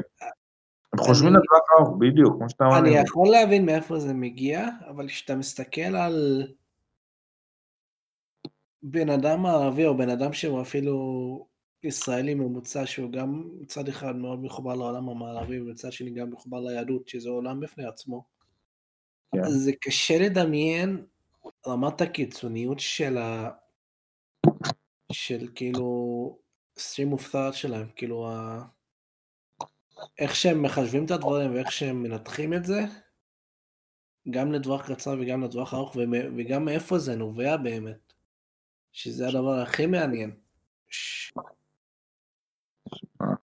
זה כאילו, זה הסתכלות שלהם פשוט לטווח ארוך, פשוט הם מסתכלים על זה כחברה ואנחנו חברה... זה לא רק שהם מסתכלים לטווח ארוך, הם בהרבה מקומות שמסתכלים לטווח ארוך, תמיד יש איזה מניע כלשהו בשביל לעשות את זה. המניע שלהם פשוט זה הגמוניה, זה המניע שלהם, בעצם... הם פשוט רוצים הגמוניה בכוח, הם לא באמת... זה, זה, כמו, זה כמו רומא בשלבים המאוחרים שלה, בסוף רומא היא גרסה קצת יותר אה, נחמדה של מה ש... ש... שסין, או יותר נכון להגיד, סין היא, גרסת, היא גרסה מגעילה ויותר נוראה של מה של רומא. של האימפריה הרומית, בשלבים המאוחרים שלה. בעצם אומרים, אנחנו the one empire in the world, אנחנו האימפריה היחידה בעולם, אנחנו נשלוט על כולם וכולם יהיו בתרבות שלנו, וזהו, וזדיינו כולכם. זה, זה התפיסה שלהם. ושמע, זה לא הולך להם רע כל כך, הקטע הוא גם שהרבה מדינות, הסיבה שהם מצליחים גם כל כך, בהרבה מדינות, זה כי הם פשוט הם משתמשים באותה שיטה שאירופאים השתמשו כלפיהם בהרבה מדינות, פשוט מגיעים למדינות אחרות, אומרים קונים לכם, נתמוך בכם כלכלית והכל וזה וזה, קונים להם מלא נמלים, קונים להם מלא דברים, משתלטים והופכים את האזורים האלה לאזורים סינים, מיישבים שם גם סינים לפעמים בחלק מהערים האלה, כדי לחזק את הנוכחות שלהם, ובעצם יוצרים המון מובלעות סיניות, והופכים, יוצרים להם דרך משי חדשה, זה בעצם התוכנית של, של סין עכשיו, יוצרים להם דרך משי חדשה, שעוד פעם תחזיר את המשמעותיות שלהם. כי עד עכשיו היה לך את ארה"ב כפקס אמריקנה, שאנחנו עכשיו רואים את הסוף שלו, של השלום האמריקאי, שמאז סוף מלחמת העולם השנייה, נוצר לך מצב שאתה לא צריך להיות בעל צי כדי להעביר סחורות, אתה יכול להיות מי שאתה רוצה, ארה"ב מאבטחת את הימים וכולם יכולים להעביר סחורה חופשית. מי שאומר לא, ארה"ב תשמיד אותו. פשוט. זה, זה, זה מה שהיה. הכל טוב ויפה. הכל, הכל היה טוב ויפה. הבעיה שאנשים גם לא העריכו את זה, ולצערי זה גם מעגל היסטורי, אבל גם כי אנשים לא מנסים להעריך את זה. אנשים לוקחים יותר מיני דברים מובן מאליו, בפוליטיקה, בתרבות, ולצערנו, לא מסתכלים אה, אם זה, למה זה הגיע, איך זה מגיע. כי שום דבר לא מגיע בחינם, שום דבר גם הוא לא תוצר נפרד של עצמם, כמעט עם הדברים שהם תוצרים נפרד של עצמם, יש רעיונות שהם תוצרים נפרדים של עצמם, אבל הרבה פעמים, הרבה דברים, פשוט תוצר מתמשך של דברים בתהליכים שקורים או מחזורים שקורים. זה, זה באמת, זו באמת יצירה, זה צריך להסתכל על הדברים האלה. זה בסוף היה מגיע. שאלה מה אנחנו נעשה מזה הלאה. אם אנחנו, כי עכשיו מסתכל נגיד על ארה"ב, ואני אומר, כאילו אני אנסה לדבר עם אמריקאים, אנסה לדבר עם אירופאים, אבל זה הרבה מדינות, אתה רואה שהם חלקם, גם מלילודה וגם מזה, של 30 שנה, בהנחה ולא יש שינוי דרסטי בילודה, הם אה, מאוד יקרסו כלכלית, פשוט. שאלה אבל כזאת, מה ישראל עושה? מה ישראל? עושה כרגע? כלום? כי, כי אנשים שאומרים, יש לנו באמת, יש לנו את כל התנאים, יש לנו תכלס, אחלה, דמו, אחלה דמו, בנייה דמוגרפית, ואנחנו עכשיו גם נקלוט המון עלייה יהודית. אנשים לא מבינים שבדרום אפריקה למשל, יש לך עכשיו את הטבח של הלבנים שם, ויש לך קהילה סופר ציונית של 70 אלף אה, יהודים, הם יעלו בקלות כולם מישראל, כולם, אני מבטיח לך את זה. יהיה לך מאירופה הרבה מאוד יהודים שהחליטו לעלות לישראל, מי שלא לא יטמיע את עצמו, הוא יחזור, יגיע, יגיע לפה ואתה תראה מאוד יותר ימני. אגב, זה לדעתי תופעה שתהיה מאוד שמרנות גדולה בישראל בשנים הקרובות. כי אתה רואה את זה גם מפה הפוליטית, זה משהו מאוד מפתיע. זו נכון. תופעה גם קורית בחו"ל, אבל בישראל זה מאוד מאוד רציני. מה שיש לך ב... רוב זה יחס למזרח התיכון, כי יש לך כמות באמת קטנות, מה שנשאר. הן לא תמיד גדולות, מה שנשאר, וגם הם, אה, זה לא משמעותי, הם לא מגרדים את החמשת אלפים ביחד כל הקהילות האלה. אה, יש לך, אמרנו באירופה, באסיה יש לך חלק מהמדינות, מעט מעט כאילו, זה גם קהילות קטנות מאוד, מאוד מאוד קטנות. מה זה גם אירופה? יש לך פה גרמניה שהרבה, אתה תראה שהם, אה, שהם כאילו יש הרבה קהילה מבוגרת שם, זה פחות אה, קונקרטי. יש לך את אה, דרום אמריקה, שהקהילות שם די יישארו שם, כי בדרום אמריקה די משחקים קומביה כל היום. זה מה שעושים שם בגדול. קומביה וחיים טוב בסך הכל. אתה לא, אין לך הרבה מאוד בעיות. דאגות מעבר ל... כי אתה באמת תכלס במקום הכי פחות, הכי שלב בעולם תכלס, בהרבה נקודות. כן. עכשיו, בישראל נגיד דעתי, זה רק פעולה שלנו, כי ישראל נגיד לפי דעתי צריכה כבר בשש טעמים בכלל הייתה צריכה לעשות עם הנושא הזה של איו"ש, ועוד חוזרים לאיו"ש. תשמע, איו"ש זה כזה, אני עדיין לא מבין מה אנשים לא מבינים שזה אחד הדברים שאם ישראל תלמד להתגבר מעליו, היא תוכל באמת להתחזק. זה באמת ה-first step שלנו. כמעצמה, כאומה, כ-whatever. אם מדינת ישראל לא רוצה להמשיך לחזור במה שקרה בהיסטוריה היהודית, שמה שהיה לך, נגיד היה לך את הממלכות היהודיות הראשונות, לך לנכד ישראל ושל אה, דוד ושל שלמה, שהם אה, שלטו בערך על ישראל עד אזור נקרא לי ועבר הירדן עד אזור דמשק תכלס והם אה, היה להם כמה וסאלים כאלה tributaries יותר נכון לקרוא לזה מדינות חסות כאלה ואז היהודים תכלס הם היו תכלס חסות של או מצרים או של מסופוטמיה אחר כך היה את החשמונאים שהיו תחת חסות של אה, סלווקים בהתחלה כאילו שיצאו במרד הראשון היה את אה, נכון. וכאילו הם יצאו מהסלבקים וכאילו נלחמו, זו הייתה חסות חלקית שלהם תחת אה, אה, יונתן, אחיו של אה, יהודה המכבי, שהוא כאילו הצליח ליצור ממנו מושל אוטונומי, אחר כך כאילו חסות של הרומאים, שהם קיבלו את זה, ואז בסוף בגלל סכסוכים פנימיים הסתפחנו. עכשיו, אני לא בטוח שיהיה לנו רומא הפעם, שיהיה לנו כאלה נחמדים. רומא היו די נחמדים בהתחלת הכיבוש שלהם, כאילו. שהמדענים ייקחו אותנו למדינת חסות, הם, וגם כנציבים, הם די נחמדים איתנו כמדינה. מאוד כאילו, אנשים לא, בגלל שלנו הסכמים גם קודמים איתם. אני לא יודע אם מדינה אחרת שהיא תכבוש אותנו, יהיו כאלה נחמדים איתנו.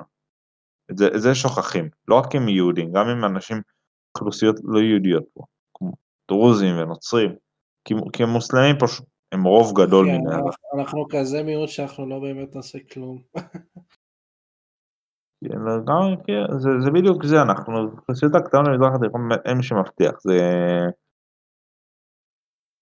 ואז אה, סתם דוגמה. ישראל נכנסת למלחמת אזרחים, בכוונה תלכו איתי רחוק. טורקיה מתחזקת עוד פעם, כמו בתהליכים שלה, מצליחה לעלות כלכלית ממש, יוצרת אימפריה עות'מאנית שנייה. whatever. כובשים אותנו. אני לא בטוח שהם יהיו כאלה נחמדים. הם לא יהיו נחמדים, הם לא יותר מדי גם אוהבים אותנו. הם מאוד לא אוהבים אותנו. בניגוד לרומאים שלא היה להם אינטרס, יש להם אינטרס מאוד ברור להחזיק בירושלים, שהסעודים דווקא עושים לנו טובה, שהם מחלישים את ההשפעה שלהם, והם עכשיו מצליחים, הם עושים עכשיו, אה, אה, משמיעים קולות בעולם המערבי, שאל-אקצא לא באמת בירושלים, אבל אם הם ישלטו נגיד, לא יודע, איזושהי מדינה X מוסלמית, או X נוצרית, יחזקו את המעמד שלה. או לא יודע מה. או שאפילו האיראנים, אני בכוונה זורק, האיראנים מחר משתלטים פה. מישהו אומר שהם לא אוהבים אותנו יותר מדי. מי אומר שהם ברגע שהם יגיעו לפה הם לא יחליטו לעשות בנו שבטים? סתם כי בא להם. זה, זה, ולא, ואני לא יודע אם יהיה לנו הפעם איפה לברוח. כי לא בטוח שהם מקומות יציבים באמת לברוח אליהם, אחרי זה, במקרה כזה. זה, זה אנשים שוכחים, או שבכלל יהיה אפשרות לברוח. זה, זה בדיוק האנשים, זה מה שאנשים שוכחים, ש... ישראל זה, זה בדיוק האופציה שלה, או שתהפוך למדינת חסות, כדי לשרוד, שהעם היהודי ישרוד, או שעובר למדינת חסות, בדרום אמריקה אני לא יודע כמה ישרדו באמת, בטוח שאו שיטמעו או שיעלו לארץ, ובארצות הברית זה חצי חצי, אבל זה, זה מה שכנראה יקרה, שיגיעו, ש... זה או לשרוד כמדינת חסות ולקוות שיהיו איתנו נחמדים, או שאנחנו הולכים פול און להיות מעצמה ולהתחיל אה, ולהציג את עצמנו כ... ככוח חדש בעולם. האם יש לנו את היכולת? יש לנו את היכולת, יש לנו היפותטית את היכולת. כי המזרח התיכון הוא באטל, הוא כרגע שדה קרב מאוד מאוד גדול, ועוד מעט באירופה יכול להיות שדה קרב יותר גדול, ויש לנו סיכוי לא רע לעלות ולהתחזק מאוד, ואפילו לייצב את הכוח שלנו במאה שנה. זה תהליך ארוך, זה לא תהליך, זה תהליך מאוד ארוך. אבל, אבל מאיפה זה מתחיל? זה מתחיל מזה שאנשים במדינה מצביעים. וזה לא קורה בסוף. זה בדיוק, זה, זה, זה בדיוק מה שקורה. אנשים שאומרים, המדינה מתקדמת, צביע. אתה נותן את המנדט שלך, אתה בעצם נותן למישהו את היכולת שהוא יוכל לקדם דברים בשמך. תן לו לקדם את הדברים בשמך. אם אתה חושב שזה לא, לך תקים מפלגה. לך תצביע למפלגת, לא יודע, אוהבים ותנו לאהוב, אם זה מה שאתה חושב שזה הדרך הנכונה למדינת ישראל. אתה לא מסכים עם מה שאני אומר. וואטאבר. אם אתה רוצה שישראל תתקדם, ולא תישאר במצב הזה, אתה תבחר. באופן אישי הייתי מעדיף לבחר אותי חירוב מפלגות יותר ימניות, לדעתי זה יותר יעיל, אבל בגדול המבחן הראשון האמיתי במדינת ישראל עומד ביהודה ושומרון, כי המפקדי פלוגות בששת הימים עשו טעות גורלית, שהם החליטו, אמרו לאנשים שם, שאנחנו בכפרים שהם כבר ברחו אחרי הקריסה של הכוח הירדני המשמעותי בקרב גבעת התחמושת, כי צבאות הערביים מאוד בצבאות קאסטה כאלה, צבאות מעמדות, שבשנייה שהכוח המרכזי זה כמו צבאות פאודליים כאלה. כן, ברגע שהכוח המרכזי, אין להם... שיש לך את ה... כן, בדיוק, את הגנרל והכוח המרכזי, היחידות עילית, אם הן קורסות, טוב, ביי. כי ישר אין להם יותר מדי יכולת להתמודד בצורה זה, הם וגם בצבאות פאודליים ידעו לעשות את זה יותר טוב. בצבאות שלהם לא עושים את זה טוב אפילו. כן, כי, כי יש את הפיקוד האסלאמי מאוד מרכזית, יש להם סוג של הנהלת יתר, בסוף... אני יודע, זה מאוד השבטי גם. גנרל למעלה מחליט מה חפ"ש עושה בקצה, וזה לא, לא בריא. לא, אני אגיד לך, הוא מחליט, אבל הוא מצליח שמחליטים את זה גם, הם עושים את זה גם בצורה טיפשית. הם לא למדו, הם עדיין מסתמכים על אסטרטגיה צבאית שהיא יותר עתיקה ממה שהשתמשו בה במאה ה-17, בסגנון אסטרטגיה של המאה ה-17, מבחינת הצורת תקיפה. ואני בטוח שאנשים יודעים שעכשיו זה לא המאה ה-17, שעבר זמן, והשתנו האסטרטגיות, וזה גם למה ניצחנו אותם. הם, הם יכולים להיות לוחמים חזקים, לוחמים טובים, אבל הם לא חיילים. מתנהגים כלוחמים ולא חיילים. ויש הבדל בהיגיון של זה.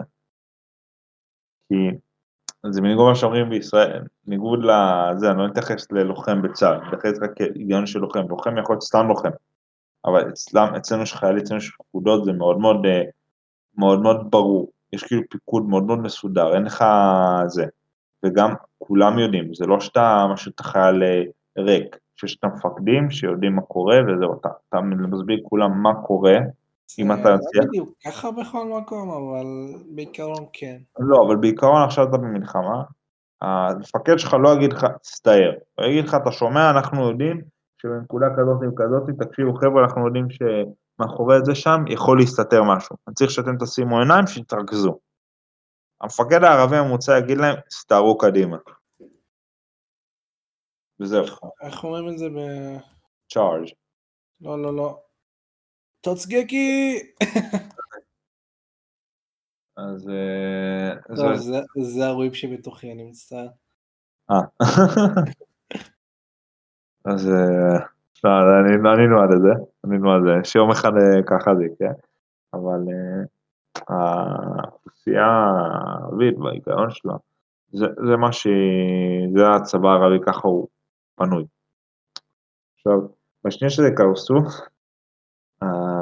הרבה ערבים ברחו מאיו"ש, הרבה הרבה מהאוכלוסייה המוסלמית באיו"ש התחילה לברוח. פשוט כי אמרו fuck, הולכים כנראה. כי היה דיר יאסין, שזה היה באמת אירוע שהגזימו בכמה שקרה שם באמת, בצורה לא פרופורציונלית. כאילו עברו שם אה, כמות שמונה 20 אנשים, כאילו ניפחו את זה לכאילו שחטו שם איזה שלושה ערים שלמות. זה כאילו שניפחו את זה. ואז אה, הערבים פחדו מזה, אמרו fuck, הולכים אה, לשחוט את כולנו. וזה לא ככה באמת. ובמקום לעודד את הבריחה שלהם, לא צריך להרביץ לה, פשוט אפילו להפגיז ליד, לא לירות בבתים, להפגיז ליד הבתים, פשוט להגיד להם תברחו, mother fuckers, תברחו, וזה הרבה יותר יעיל, במדינת ישראל. לא, תישארו פה, למה? ככה. זה המפקדי, המפקדי פלוגות, פלוגות בשטח החליטו משום ההחלטה מאוד מפגרת, שהיא לא התאימה למדינת ישראל, מאוד מפגרת. ואז, וזה עוד ניחא, אתה אומר, זה עוד דבר שסבבה. יאללה, גם אם אתה לא משנה את זה, משהו אחר, בחומת מגן,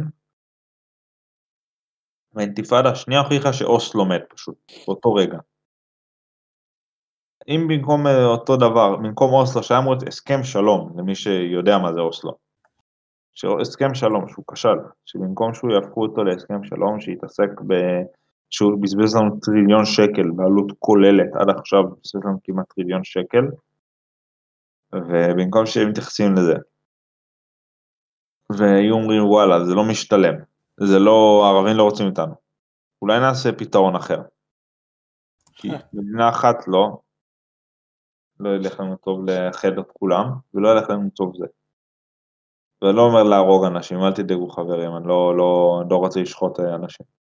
הם אומרים, אולי נעודד הגירה, כמו מה שהיה עם טורקיה ויוון, או מדינות אחרות, ולא בהכרח מדינות ערביות, כאילו. אני באופן אישי חושב שיש יעדי הגירה נוספים בעולם שאתה יכול לעודד עליהם, אחד מדינות מהגרים כמו דרום אמריקה, או למדינות כמו האמירויות למיניהם, שאתה יכול, ויקבלו אותם. כי פרקטית גם יכולים... אה, האמירויות פחות, אבל אני אסביר למה דרום אמריקה, עיר מיארד, למה לדעתי בעיקר במדינות דרום אמריקה. זו בשת של 450 מיליון, בהערכות סטטיסטיות בערך 8% מהאוכלוסייה שם, היא מוצא ערבי כלשהו, ויש לך כבר היום בברזיל ובצ'ילה, משהו כמו שתיים וחצי אנשים שהם לעצמם פלסטינאים. עכשיו, לא משנה באמת המספרים באיו"ש, שתיים, שאחרי נקודה שמונה, שלוש, יש כאלה שאומרים, שאני לא מאמין שאני מאמין שזה יותר 1.8, זה הרבה יותר הגיוני. מי שיצא לשרת הרבה בשטח, זה הרבה יותר הגיוני לכמות והגודל של הערים שם. כן. שאתה, במקום זה היית עכשיו עושה פינוי פיצוי, אתה אומר, וכבר בסקרים שלהם, רוב האוכלוסייה רוצה להגיע. אתה לא צריך גם שכולם יגעו, אתה צריך להתייחס לשתי, לשתי אוכלוסיות דמוגרפיות מרכזיות. צעירים ול, ואנשים עם משפחות, כאילו שיש להם ילדים אה, לא גדולים מדי. כן. זה הדמוגרפיה שזה להתמקד בה. שהיא הדמוגרפיה הגדולה באמת, והיא באמת מי שמעניינת אותך. מי שזקן, הוא לא ימרוד, הוא לא יעשה כלום, הוא לא יעשה שיט, הוא יחיה ועד איזשהו גיל מסוים פשוט הוא ימות יום אחד. אחרי איזה 20-30 שנה. זה באמת משפיע עליך. או על כל פעילות ישראלית, אתה צריך אפילו שיישאר אפילו תבנה סביבו דברים. ומי שמשפחות קצת עם יותר בוגרים שיש להם נערים, כאילו אז סבבה, הם יכולים גם להישאר ובסוף זה, הנערים ינסו להגיע, שיהפכו להיות בוגרים. עכשיו, למה לדעתי זו השיטה הכי נכונה? כי אם אתה הופך את זה עכשיו ל... אם אתה עכשיו, המדינה הייתה באמת משקיעה, אני קונה, ואני עוזר לך בטפסים לכל מיני יעדים בדרום אמריקה, או בכל מיני יעדים, בכל מיני מדינות בעולם, אתה יכול. נגיד לאירופה היו יכולים, נגיד זה כבר מדברים על 2002, זה היה חומת מגן 2003, שזה השיא של ה... שהתחילו כבר הגירות לאירופה. אני בטוח שאם אתה מפזר גם כולל עזה, חמישה מיליון אנשים, משהו כמו 40 מדינות שונות בעולם, אני לא בטוח שהרבה אנשים ישימו לב לזה. כאילו, נכון. אף אחד לא תמיד יגיד, אה, זה נוראי. אתה פשוט אומר, אנשים מהגרים, אתה עוזר להם כלכלית, אתה בונה גם חברות קש, תהיה חכם, תבנה גם חברות קש בכל מיני מקומות. אני רוצה לקנות את השטח הזה. אני, כי אם מבטלים את הרשות לא צריכים לעשות את זה, אבל אני רוצה לקנות את השטח. אבל אגיד לך מה הקטע, זה כן נשמע הגיוני מצד אחד, אבל אתה מפספס את ה... את ה... איך אני אסביר את זה? שהצד השני הוא לא באמת מתנהג באופן הגיוני גם. שזה אני חושב הבעיה העיקרית ב... השיט שיש לנו עם, עם איו"ש ועזה. ש... אני, אני, אני אגיד לך, אני מסכים איתך, אבל הנקודה היא כזאת, בשנייה שהבאנו את האוכלוסייה של אש"ף, זה את הנהגת אש"ף זה פגע. אבל גם כבר עכשיו, אני יודע את זה כבר מהיו"ש, שבשנייה שאבו מאזן מת, הרשות קורסת, פשוט. כי יש לך הרבה שבטים, שאנשים שוכחים שזה חמולות שבטים, שכל אחד נאמן לעצמו. כל אחד נאמן לעצמו, כל אזור נאמן לעצמו. וכל אזור יש לו את המיליציות הפנימיות שלו, שיודעים שביום שזה קורה הם מתנתקים. עכשיו, זה, זה, זה גם, זה גם, וגם הם ימותו כנראה, כי כאילו, זהו. זה הרבה ימותו שם, ואתה רוצה לעשות איזה פתרון ריאלי, שלא יגידו אה, ישראל רוצחת והכל, ואת לא רוצה סתם להרוג אנשים, אנחנו לא רוצים להרוג אנשים, אנחנו רוצים להיות הומנים פה. לא רוצים עכשיו להגיע לסיטואציות זה, וגם אני יכול לעשות להם, גם אם רוצים לעשות טרנספר לצורך העניין במירכאות לירדן, אין לך באמת למה לירדן, כי ירדן, המערכת מים שלה, אין להם כמעט מי תהום, רוב המים שלה ישראל מספקת לה, זו הרמה. כאילו, הם באמת כלום מים מקידוח יתר בשנות ה-80 וה-90. אז הם, אה, זה לא יעד, סוריה זה לא יעד, לבנון לא יעד, אין לך מדינות באזור שהן באמת יעד, שאתה יכול להגיד, וואלה, הם יקלטו. גם מבחינת אספקת משאבים וגם הכל. אני חושב שזה הרבה יותר נכון, גם מדינות יחסית רחוקות, ויש שם אוכלוסייה, צער ערבי כלשהו, סלמי כלשהו יחסית גדול, שנטמעות באזור, ואני בטוח שמי שיצא לו לטייל בדרום אמריקה, לא הרגיש איזשהו משהו קיצוני, שפתאום איזשהו ערבי ניסה לבוא אליו וצעק אללה אכבר, כי הם פשוט נטמעים באוכלוסייה שם, זו תרבות שהיא מטמיעה, התרבות הדרום אמריקאית, תרבות קאסטות מאוד מאוד מטמיעה, מהתקופה הקולוניאלית. וזה הרבה יותר נכון לנו גם, כי אתה אומר בשנייה שאתה נגיד תאריך 15 שנה, כבר היום עד לפני השנה, עד לפני 2020, חבר'ה 21, אבל עד לפני 2020, כן. כל שנה היו, היו יותר מהגרים לך 20 אלף יותר, ערבים מאיו"ש, מאיו"ש, מאשר נולדים לך. זה כאילו הממוצע בערך. ואז uh, אתה אומר, אם כל שנה הם גם מגיעים ל-20 אלף, הם יכולים. ולרוב אתה יודע, המשכילים, מי שיוצא לו כבר באוניברסיטאות שם. וגם יש לך בערבים בארץ, חלקם. אתה אומר, אוכלוסייה מוסלמית, כאילו. כי אני לא מתייחס לנוצרים ודרוזים. עזוב את זה שהם לא, לא מתייחס לזה שהם דמוגרפית, הם גם נאמנים למדינה. לא אוכלוסייה שאתה אומר, fuck, אני נכנס מחר למלחמה, הם יכולים אה, לעשות לי shit רציני. אני לא רוצה את זה. נכון. זה גם ההסתכלות המאוד מאוד פרקטית. עכשיו, באיו"ש, בשנייה שאתה כאילו תוך 15 שנה אתה מצליח אה, לעשות את התהליך שם, לעודד הגירה של נגיד 90 אחוז, 70 אחוז, זה כאילו אם אתה כבר מעודד, אתה יכול לעודד את זה בקלות מ-20 אלף ל-70 אלף בשנה, אפילו 100 אלף בשנה, בכיף, אם אתה עם מספיק מבצעים ואתה קונה את זה במחירי חיסול שנותן להם מלא כסף ועזרה, תאמין לי, אנשים יצאו מגדרם בשביל הדבר הזה. אם אתה, אבל צריך גם להקריס את הרשות באותה שנייה, זה כאילו צריך גם לשבור את הרשות כדי להגיע לזה. תכף אתה יכול גם לעשות את זה היום, אם אתה נגיד עכשיו עוד שנה וחצי, הקורונה והדבר, שנתיים כבר, הקורונה והזה שלה ייגמרו, 15 שנה או 17 שנה אתה יכול, יכול להגיע בכיף למצב כזה. כי אני עדיין מאמין דרום אמריקה יקלטו אנשים, לא באמת משנה להם, לא באמת השתנה המצב הגיאופוליטי שלהם באיזושהי צורה. כאילו, כן, לא אה? המצב שם הוא כזה גרוע בכל מקרה שזה לא משנה כמה אנשים אתה... הוא לא כזה גרוע, יותר טוב במזרח התיכון. נכון, זה תלוי איפה, בוא נגיד... שמע, לא, אפשר לשלוח אותם ונצואלה, אבל אני לא רוצה שירעבו לרעב. אם, אם, אם, אם זה להרעיב, אז למה להטיס אותם לוונצואלה? בואו נשלח אותם כבר לסוריה. אם אתה אומר שיהיו עם אסד וישחקו איתו במי, במי מת יותר מהר מגז עצבים. אה, זו לא הנקודה, הנקודה היא ששם כאילו לך מדינות שאתה יכול לתקן. עדיין התנאים שלהם יותר טובים מחלק מה... יש להם תנאים טובים יחסית פה, והם להם תנאים יותר טובים ממה שלנו במדינות אחרות שכן יקבלו. כי באירופה לא נראה לי יקבלו אותם. וגם אם יקבלו אותם, אתה עדיין יכול גם לעודד לאירופה, בסדר. יכול לעודד גם לאירופה, זה לא שזה לא. מי שיש לו כסף ויכול לנסות להגיע לאירופה, מאחל לו בהצלחה ושימצא את עצמו באירופה ושיתמודד עם... אה, שהאירופאים ינסו להרוג אותם שם עוד איזה 30 שנה, או משהו כזה. 15 שנה. כן, היה להם כיף. בדרום אמריקה פשוט התאמו, כבר עכשיו האוכלוסייה שם די נטמעת, אז באמת פחות, זה, זה מה שישראל צריכה להגיד. אבל באמת בשנייה שישראל תצליח נגיד להגיע את זה, וזה במקרה גם יהיה עליות, אני אומר, במקביל גם הגיעו עליות ב-15 שנה הקרובה. בשנייה שיגיעו גם, ואם אשכרה יעשו את זה.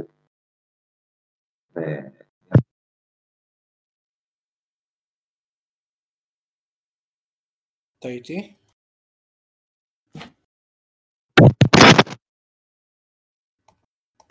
הלו. מי פתה שם?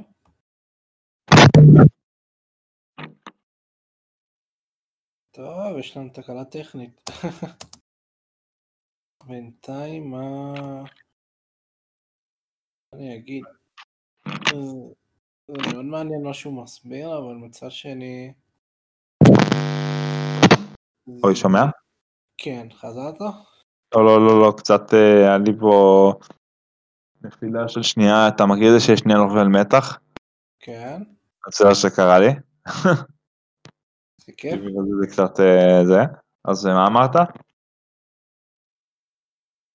תשמע, זה כזה מעניין שקפצנו מארצות הברית, הצבא, איפה אני יודע לאיפה הגענו, אחי, זה... תשמע, ישראל, ישראל, כי זה בסוף זה מה שאמרו שאומרים פה לרוב האנשים.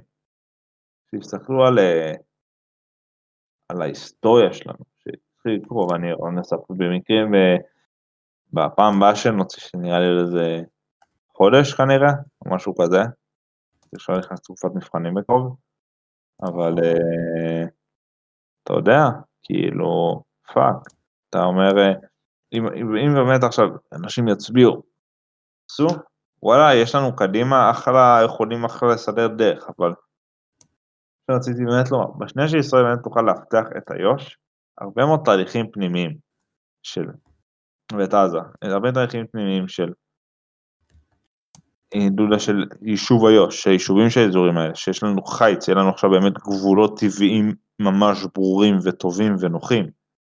לא יהיה לנו יותר מדי בעיה פנימית, יהיה לנו רוב מוחץ, לא יהיה לנו פתאום את הבעיה הזאת. נוכל הרבה יותר להפגין את הכוח שלנו בצורה הרבה יותר מוחלטת. על מדינות אחרות, כי בשנייה שיש לך רוב כמעט מוחלט של יהודים ביו"ש, בארץ ישראל המערבית, אתה פתאום יכול להפגין כוח, כי אתה אומר, יש לי אחדות כמעט מוחלטת, אין לי מישהו פה שפוגע בי, ואתה אומר, אתה יכול להפוך, לדוגמה, את הר הדרוזים למשל, סתם דוגמא, יש לך את האזור שנקרא בדרום סוריה, הר הדרוזים והחורן, של על החורן, החורן והבשן, שאתה יכול את שניהם להשתלט עליהם וליצור שם נת חוצץ, או ליצור בעלת ברית חדשה. סוריה קורסת.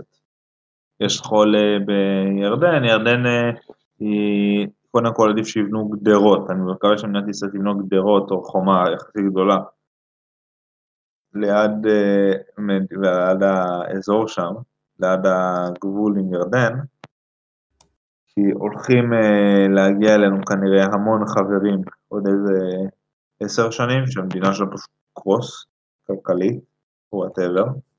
גם כלכלית וגם, חברת, וגם חברתית, כי המלך שם הוא זר והוא די, בעל, יש לו בעלי ברית בדואים וצ'רקסים, הצ'רקסים נאמנים לו, אבל הבדואים כבר לא כל כך, והמדינה עם המים שלה והכל, וישראל לא רוצה לקלוט את כולם, כי הם מסתכלים עלינו, הרבה מהם אומרים, אה, אחלה מקום, בוא בוא נברח לפה. קיצר בלגן רציני. אה? קיצר זה בלגן רציני. זה עניין רציני, אני מקווה שישראל יש לה תוכניות בנייה לזה, ואשכרה תהיה פה ממשלה להתעסק בזה, כי אני נשבע אם יש עוד פעם אחת ממשלה, אני אשכרה, אני אלך לקנות. לא, עזוב, עזוב, אני אומר בוא נלך עכשיו לאיזשהו בנק, לכמה בנקים, ניקח מלא הלוואות, המון, המון. נקנה איזושהי אוכלוסייה שמנויה באפריקה ונבנה צבא עבדים ונשתלט על המדינה. זה יעשה הרבה יותר טוב. אומר, עזוב, יקל עלינו. מה מחזיקים את השיט הזה של דמוקרטיה, סתם. סתם, אבל באמת דמוקרטיה, אבל באמת הדמוקרטיה בישראל, אני מקווה שאם אשכרה אנשים יבינו את זה, שהם מצביעים, כי יש אנשים שמתלוננים על החרדים ועל הערבים, באחוזי הצבעה. הם מצביעים, כל האוכלוסייה שם כמעט מצביעה. בשנייה שאתה תתחיל להצביע, ואנשים במדינה יתחילו להצביע, האחוז שלהם במנדטים יהיה הרבה יותר נמוך. ואז יש להם יחס שהוא לא... שהוא לא פרופורציונלי, בדיוק, אם אתם רוצים יחס פרופורציונלי, לכו תצביעו, כוס עמק, תצביעו מצידי ללא יודע מה, לאיחוד האהבה, כמו שאמרתי, יש לך כמה מפלגה. רק לא למרץ, בבקשה. אה? רק לא למרץ, בבקשה. כן. או, או הרשימה, או מדינות, או מפלגות נוספות שהן כלום ושום דבר. כמו שנאמר. לא, באמת שמקווה שאנשים יקשיבו. וואו, עכשיו אני בטוח שמלא אנשים אה, יעשו, שספוטיפיי יעשו איזשהו demonetize או משהו כזה. יש, שום בכלל ש demonetize לספוטיפיי? אה, שאני מודע לזה. לא, לא צריך, לא צריך, אני אוותר, אני אוותר. תודה. חברים. חוץ מזה, בוא בוא, מה, מה עוד באתי לשאול? מה, מה דעתך על הסיטואציה? אתה כאילו, אתה מאוד מאוד היית שלם, מה, מה דעתך עכשיו על הסיטואציה? די, לא, זה חשוב. לא, אתה פשוט אתה מסביר ומסביר, ואין לי מה... אין לי משהו מאוד להוסיף, אני פשוט לומד פה. על מההיכרות שלך, אם כבר אנחנו, בואו נחזור לנושא הראשון. מההיכרות שלך, מה דעתך יקרה בארצות הברית? תשמע, מצד אחד זה יכול לי להפוך למשהו שהוא די מסובך, ודי אפילו קיצוני, אבל מצד שני זה מאוד תלוי בעם האמריקאי בסוף. כמה באמת האזרח הממוצע מוכן לוותר על הנוחיות שלו בשביל לעשות משהו פוליטי כלשהו. כאילו אולי היינו עשרת, מה שהיה בקפיטול לפני יומיים, שזה לא כזה הרבה אנשים לעומת האוכלוסייה הכוללת של ארצות הברית. עכשיו אני יודע שזה לא באמת צריך כל כך הרבה אנשים לעשות מהפך כלשהו, אבל עדיין, כאילו, אני מאוד מעניין אותי איך העם כמו העם האמריקאי שהוא מאוד uh, מאמין באינדיבידואליזם ובעצמו ומעדיף לא, כל עוד זה לא פוגע בו אישית, לא מתערב, איך הוא באמת יתמודד עם זה שהוא יצטרך לעשות את המאמץ ה... לקפוץ את המדרגה באיזשהו מונח בשביל לעשות את כל המהפך הזה.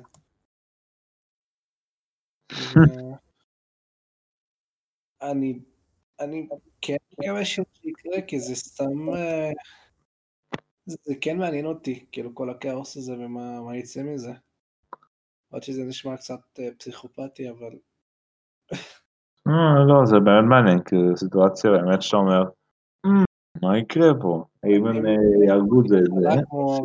וכלום לא ישתנה, או שזה כאילו יהיה סוג של turning point בג'ימון הענק בעולם.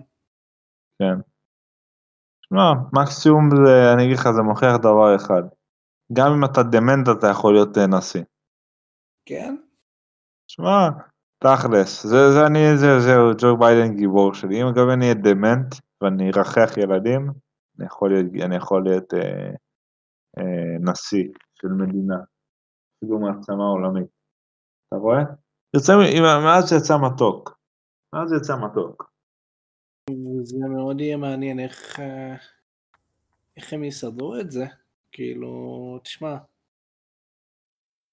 אני אומר לך דבר אחד, באמת אני צחקתי על זה עם אנשים אתמול, אה, שזה העולם לפעמים נראה כל כך אבסורדי, שעדיף אה, שעדיף לדבר על אה, שטויות כמו which anima wife is better, זה יהיה הרבה יותר הגיוני, בחלק מהשיחות האלה. אבל זה כל, ה... זה כל הכיף בעולם הזה, שזה כזה אבסורדי. זה כיף. שעוש... זה עושה אותו מעניין. מה, אני כבר חשבתי, אמרתי, יואו, איזה מגניב, זה, יהיה איזה מלחמת עולם שלישית, אתה אומר, טוב, הולכת להיות איזושהי מלחמה רצינית. איזה כיף, אנחנו אף אחד לא מוכן בשיט. איזה כיף. ואז כלום לא קורה. זה כמו הרומן הזה, 1984. 1984. שאתה חושב ש... 1984, כן, כן, של אורוול. כן, כן. אתה חושב שכן יהיה מהפך ויהיה משהו מעניין וזה וזה, ואז בסוף הוא... הגיבור פשוט מצטרף להיות כמו כולם בשואה, אז כאילו... אתה אומר, אה, לדעתי פחות זה יותר נראה לי כיוון של סיפור אחר שנקרא Towering over Zanzibar, לא בטוח אם יש אותו בעברית. זה רומן מאוד נחמד שמדבר על האנושות ועל הרבה מאוד דברים. ו... אני לא מכיר. זה גם כאילו דיסטופי כזה על עולם עתידני, כאילו שהוא מאוד לא, הרבה יותר מזכיר את העולם שלנו, הרבה יותר. איך שהוא מתנהל ועל הכל אני כזה. ואז כזה אתה אומר fuck, הולך להיות כיף. אנשים הולכים אה, עכשיו להילחם אחו שרמוטה, כי אחד הדברים הכי מעניינים שהוא מדבר, שני דברים מאוד מעניינים שהוא מדבר, שיש את ה... איך קראו לזה? האבסורדי דיקשונרי, משהו כזה. כאילו יומן שכאילו מדבר ומסביר כל, אה, כל אה, יומן. יש אה, מילון שמסביר כל מילה שם בצורה הכי סדיסטית ומפגרת שיש. ויש שם איזשהו... גם את הנושא הזה, שכאילו בני אדם הגיעו למצב שהם יחיו הרבה יותר אלימים והרבה יותר שונאים, התחילו לשנוא אחד את השני, בגלל שפתאום צפיפות האוכלוסייה היא עצומה. כאילו Towering over Zanzibar, כאילו מגיע מביטוי שפעם אוכלוסיית העולם, היה אמרו שאם אתה שם אותה מעל, איך קוראים לזה? מעל אי שנקרא אי מן, שבאים הבריטים, שאם אתה שם אוכלוסיית העולם, שפעם אוכלוסיית העולם בשנות ה-60, אם אתה שם את כל האנשים זה ועל זה ועל זה ועל מגדל, זה היה השטח שהבסיס של זה צריך להיות על האימן. עכשיו כאילו אומר שזה כאילו צריך להיות ב-2020, זה בערך אותה אוכלוסייה כמו שיש היום, שזה על הגודל של זנזיבר. שכאילו כן. על הבסיס של זנזיבר, כאילו אתה עושה מגדל עד לשמיים, זה, זה הגודל של אוכלוסיית העולם. עכשיו, זה, זה כאילו זה מאוד נכון דעתי גם, שאתה רואה פתאום את צפיפות, זה, זה, אני גם חושב שיושבים הרבה מאוד אנשים שוכחים שלא הייתה אף פעם כזו כמות של אנשים בעולם. יש לך פי ארבע יותר אנשים ממה שהיה בשיא של העולם לפני כן, היה, כל פעם השיאים היו שני מיליארד. יש לך עכשיו fucking שמונה פלוס מיליארד. וזה ערובה. שזה מעניין. בדיוק, ואנשים, זה קוראים במקומות שלא בהם פעם אנשים כמעט. כן. וואו. אגב, גם ארצות הברית, אתה תראה. הרבה מאוד אנשים שם יהיה הגירה מאוד גדולה מתוך לארצות הברית מהרבה מדינות דרומיות, מדינות שהן אה, דרום אמריקה, לחיפוש מקומות תעסוקה. נכון. זה עולם הזוי, השאלה זה כאילו זה גם קשור לתרבות, זה כאילו זה ישתנה שם או משהו, אבל אני בטוח שהעולם שלנו הוא מאוד מאוד שונה, של הילדים שלנו, של הנכדים שלנו, עולם מאוד מאוד מאוד שונה. כל פעם, כל אחד בתורו. כאילו, אנשים לא נראה מבינים כמה העולם משתנה, אנשים חושבים שזה נורמלי, כי תכלס, העולם של הסבים שלנו, ומהתקופה של הסבא רבא שלנו, הוא מאוד מאוד השתנה. כל פעם הוא מאוד מאוד דבר, הרבה מאוד שינויים בטווחים מאוד מאוד קצרים. תחשוב על זה שנגיד לפני איזה 200 שנה, 300 שנה, דברים לא משתנים כל כך מהר. משתנים, חוץ ממהפכות קטסטרופליות, דברים לא משתנים כמעט, היו קורים בקצב הרבה יותר איטי. גם התפתחויות טכנולוגיות, כאילו, אנשים, היום יש התפתחויות טכנולוגיות בתוך חודשים, פעם אחת התפתחות טכנולוגית של לפחות כמה עשרות של שנים, כל פעם. זה כאילו, זה כאילו לקחת את כל ה... כל תולדות האנושות וכל האבולוציה שלנו ושמת את זה על סטרואידים. זה מה שאנחנו עושים עכשיו. זה, זה לדעתי גם זה, ואני באמת לא מופתע אם uh, בטעות עכשיו, בתקופה, לזה, הקרובה מאוד, ותראה שכל זה יתפוצץ, כאילו בקטע שהרבה מאוד יהיו אנשים שיהיו הרבה יותר אלימות, יהיו יותר מגפות. אני אומר לך ש... בטוח שגם עכשיו כשיש גם נשקים ביולוגיים, אגב, שיפתחו מאוד, ויש לך גם הרבה מאוד מגיפות שיפתחו פתאום לבד, הרבה יותר קטלניות, זה בטוח. למרות שיש אוכלוסייה מחוסנת, אני אגיד לך איפה אבל דעתי, זה כמו אפריקה. שלא יפגעו בעולם המערבי, העולם המפותח, כי יש לו תזונה ויש לו הכל. אני אומר לך שהאוכלוסייה של אפריקה לפחות, יחטפו איזשהו, וגם יחטפו, יש וגם במזרח אסיה, מגפות קטלניות, שרק יפגעו באזורים האלה, מאוד מקומיות, אבל שהם יהיו רק מקומיות וקטלניות, וזה יוריד שם את האוכלוסיות פשוט, כי זה אזורים שלא היו מיושבים כמעט לפני כן. ואתה תראה שזה כאילו יבוא ובגלל שזה מדינות שהן מאוד מאוד uh, מדומיינות, בקטע שהן uh, לא צבויות בשום שטח, uh, בשום uh, צורה באיזשהו רכיב גיאוגרפי כמעט, או ברכיב אתני, כאילו, והם, uh, זה מדינות שהן פשוט יחדלו מלהתקיים בשלבים מסוימים, רובם, כאילו, חוץ מכמה בודדות, שחלקם בצפון אפריקה, נגיד מרוקו לדעתי חצי המדינה הכי מתקדמת באפריקה בעוד כמה שנים, כי פשוט השאר, uh, אומרים האוכלוסייה שלהם תגדל, יהיו מדינות כמו ניגריה מאוד גדולות, מדינות במזרח אפריקה שמתאחדו, יתאחדו, אבל בטוח שבשנייה של ארה"ב יקרה לה משהו, כל מגדל הקלפים שבנויות עליו יקרוס, ואז uh, כיף, יהיה להם כיף מאוד. וואי, בטוח שעכשיו המאזין שבטעות נפל לנו על הפודקאסט יגיד, אה, וואו, איזה, על מה נפלתי. טוב, אני איך להעביר לאיזשהו החיות גרים או משהו כזה, כמו שיש פה. אה, אז אה, תודה רבה לכם. נראה לי אנחנו נסיים את זה כבר פה. זהו, אתה הולך לישון?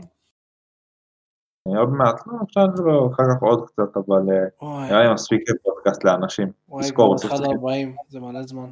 כן, ונדבר, אז יאללה, אז נעים אני מקווה שנהנתם, זה דבר ראשון. תשתפו, גם אתה, אני מקווה שאתה נהנית ביקון, מקווה שתשתפו את זה. ושיהיה לכם כרגע שבת שלום, וזהו.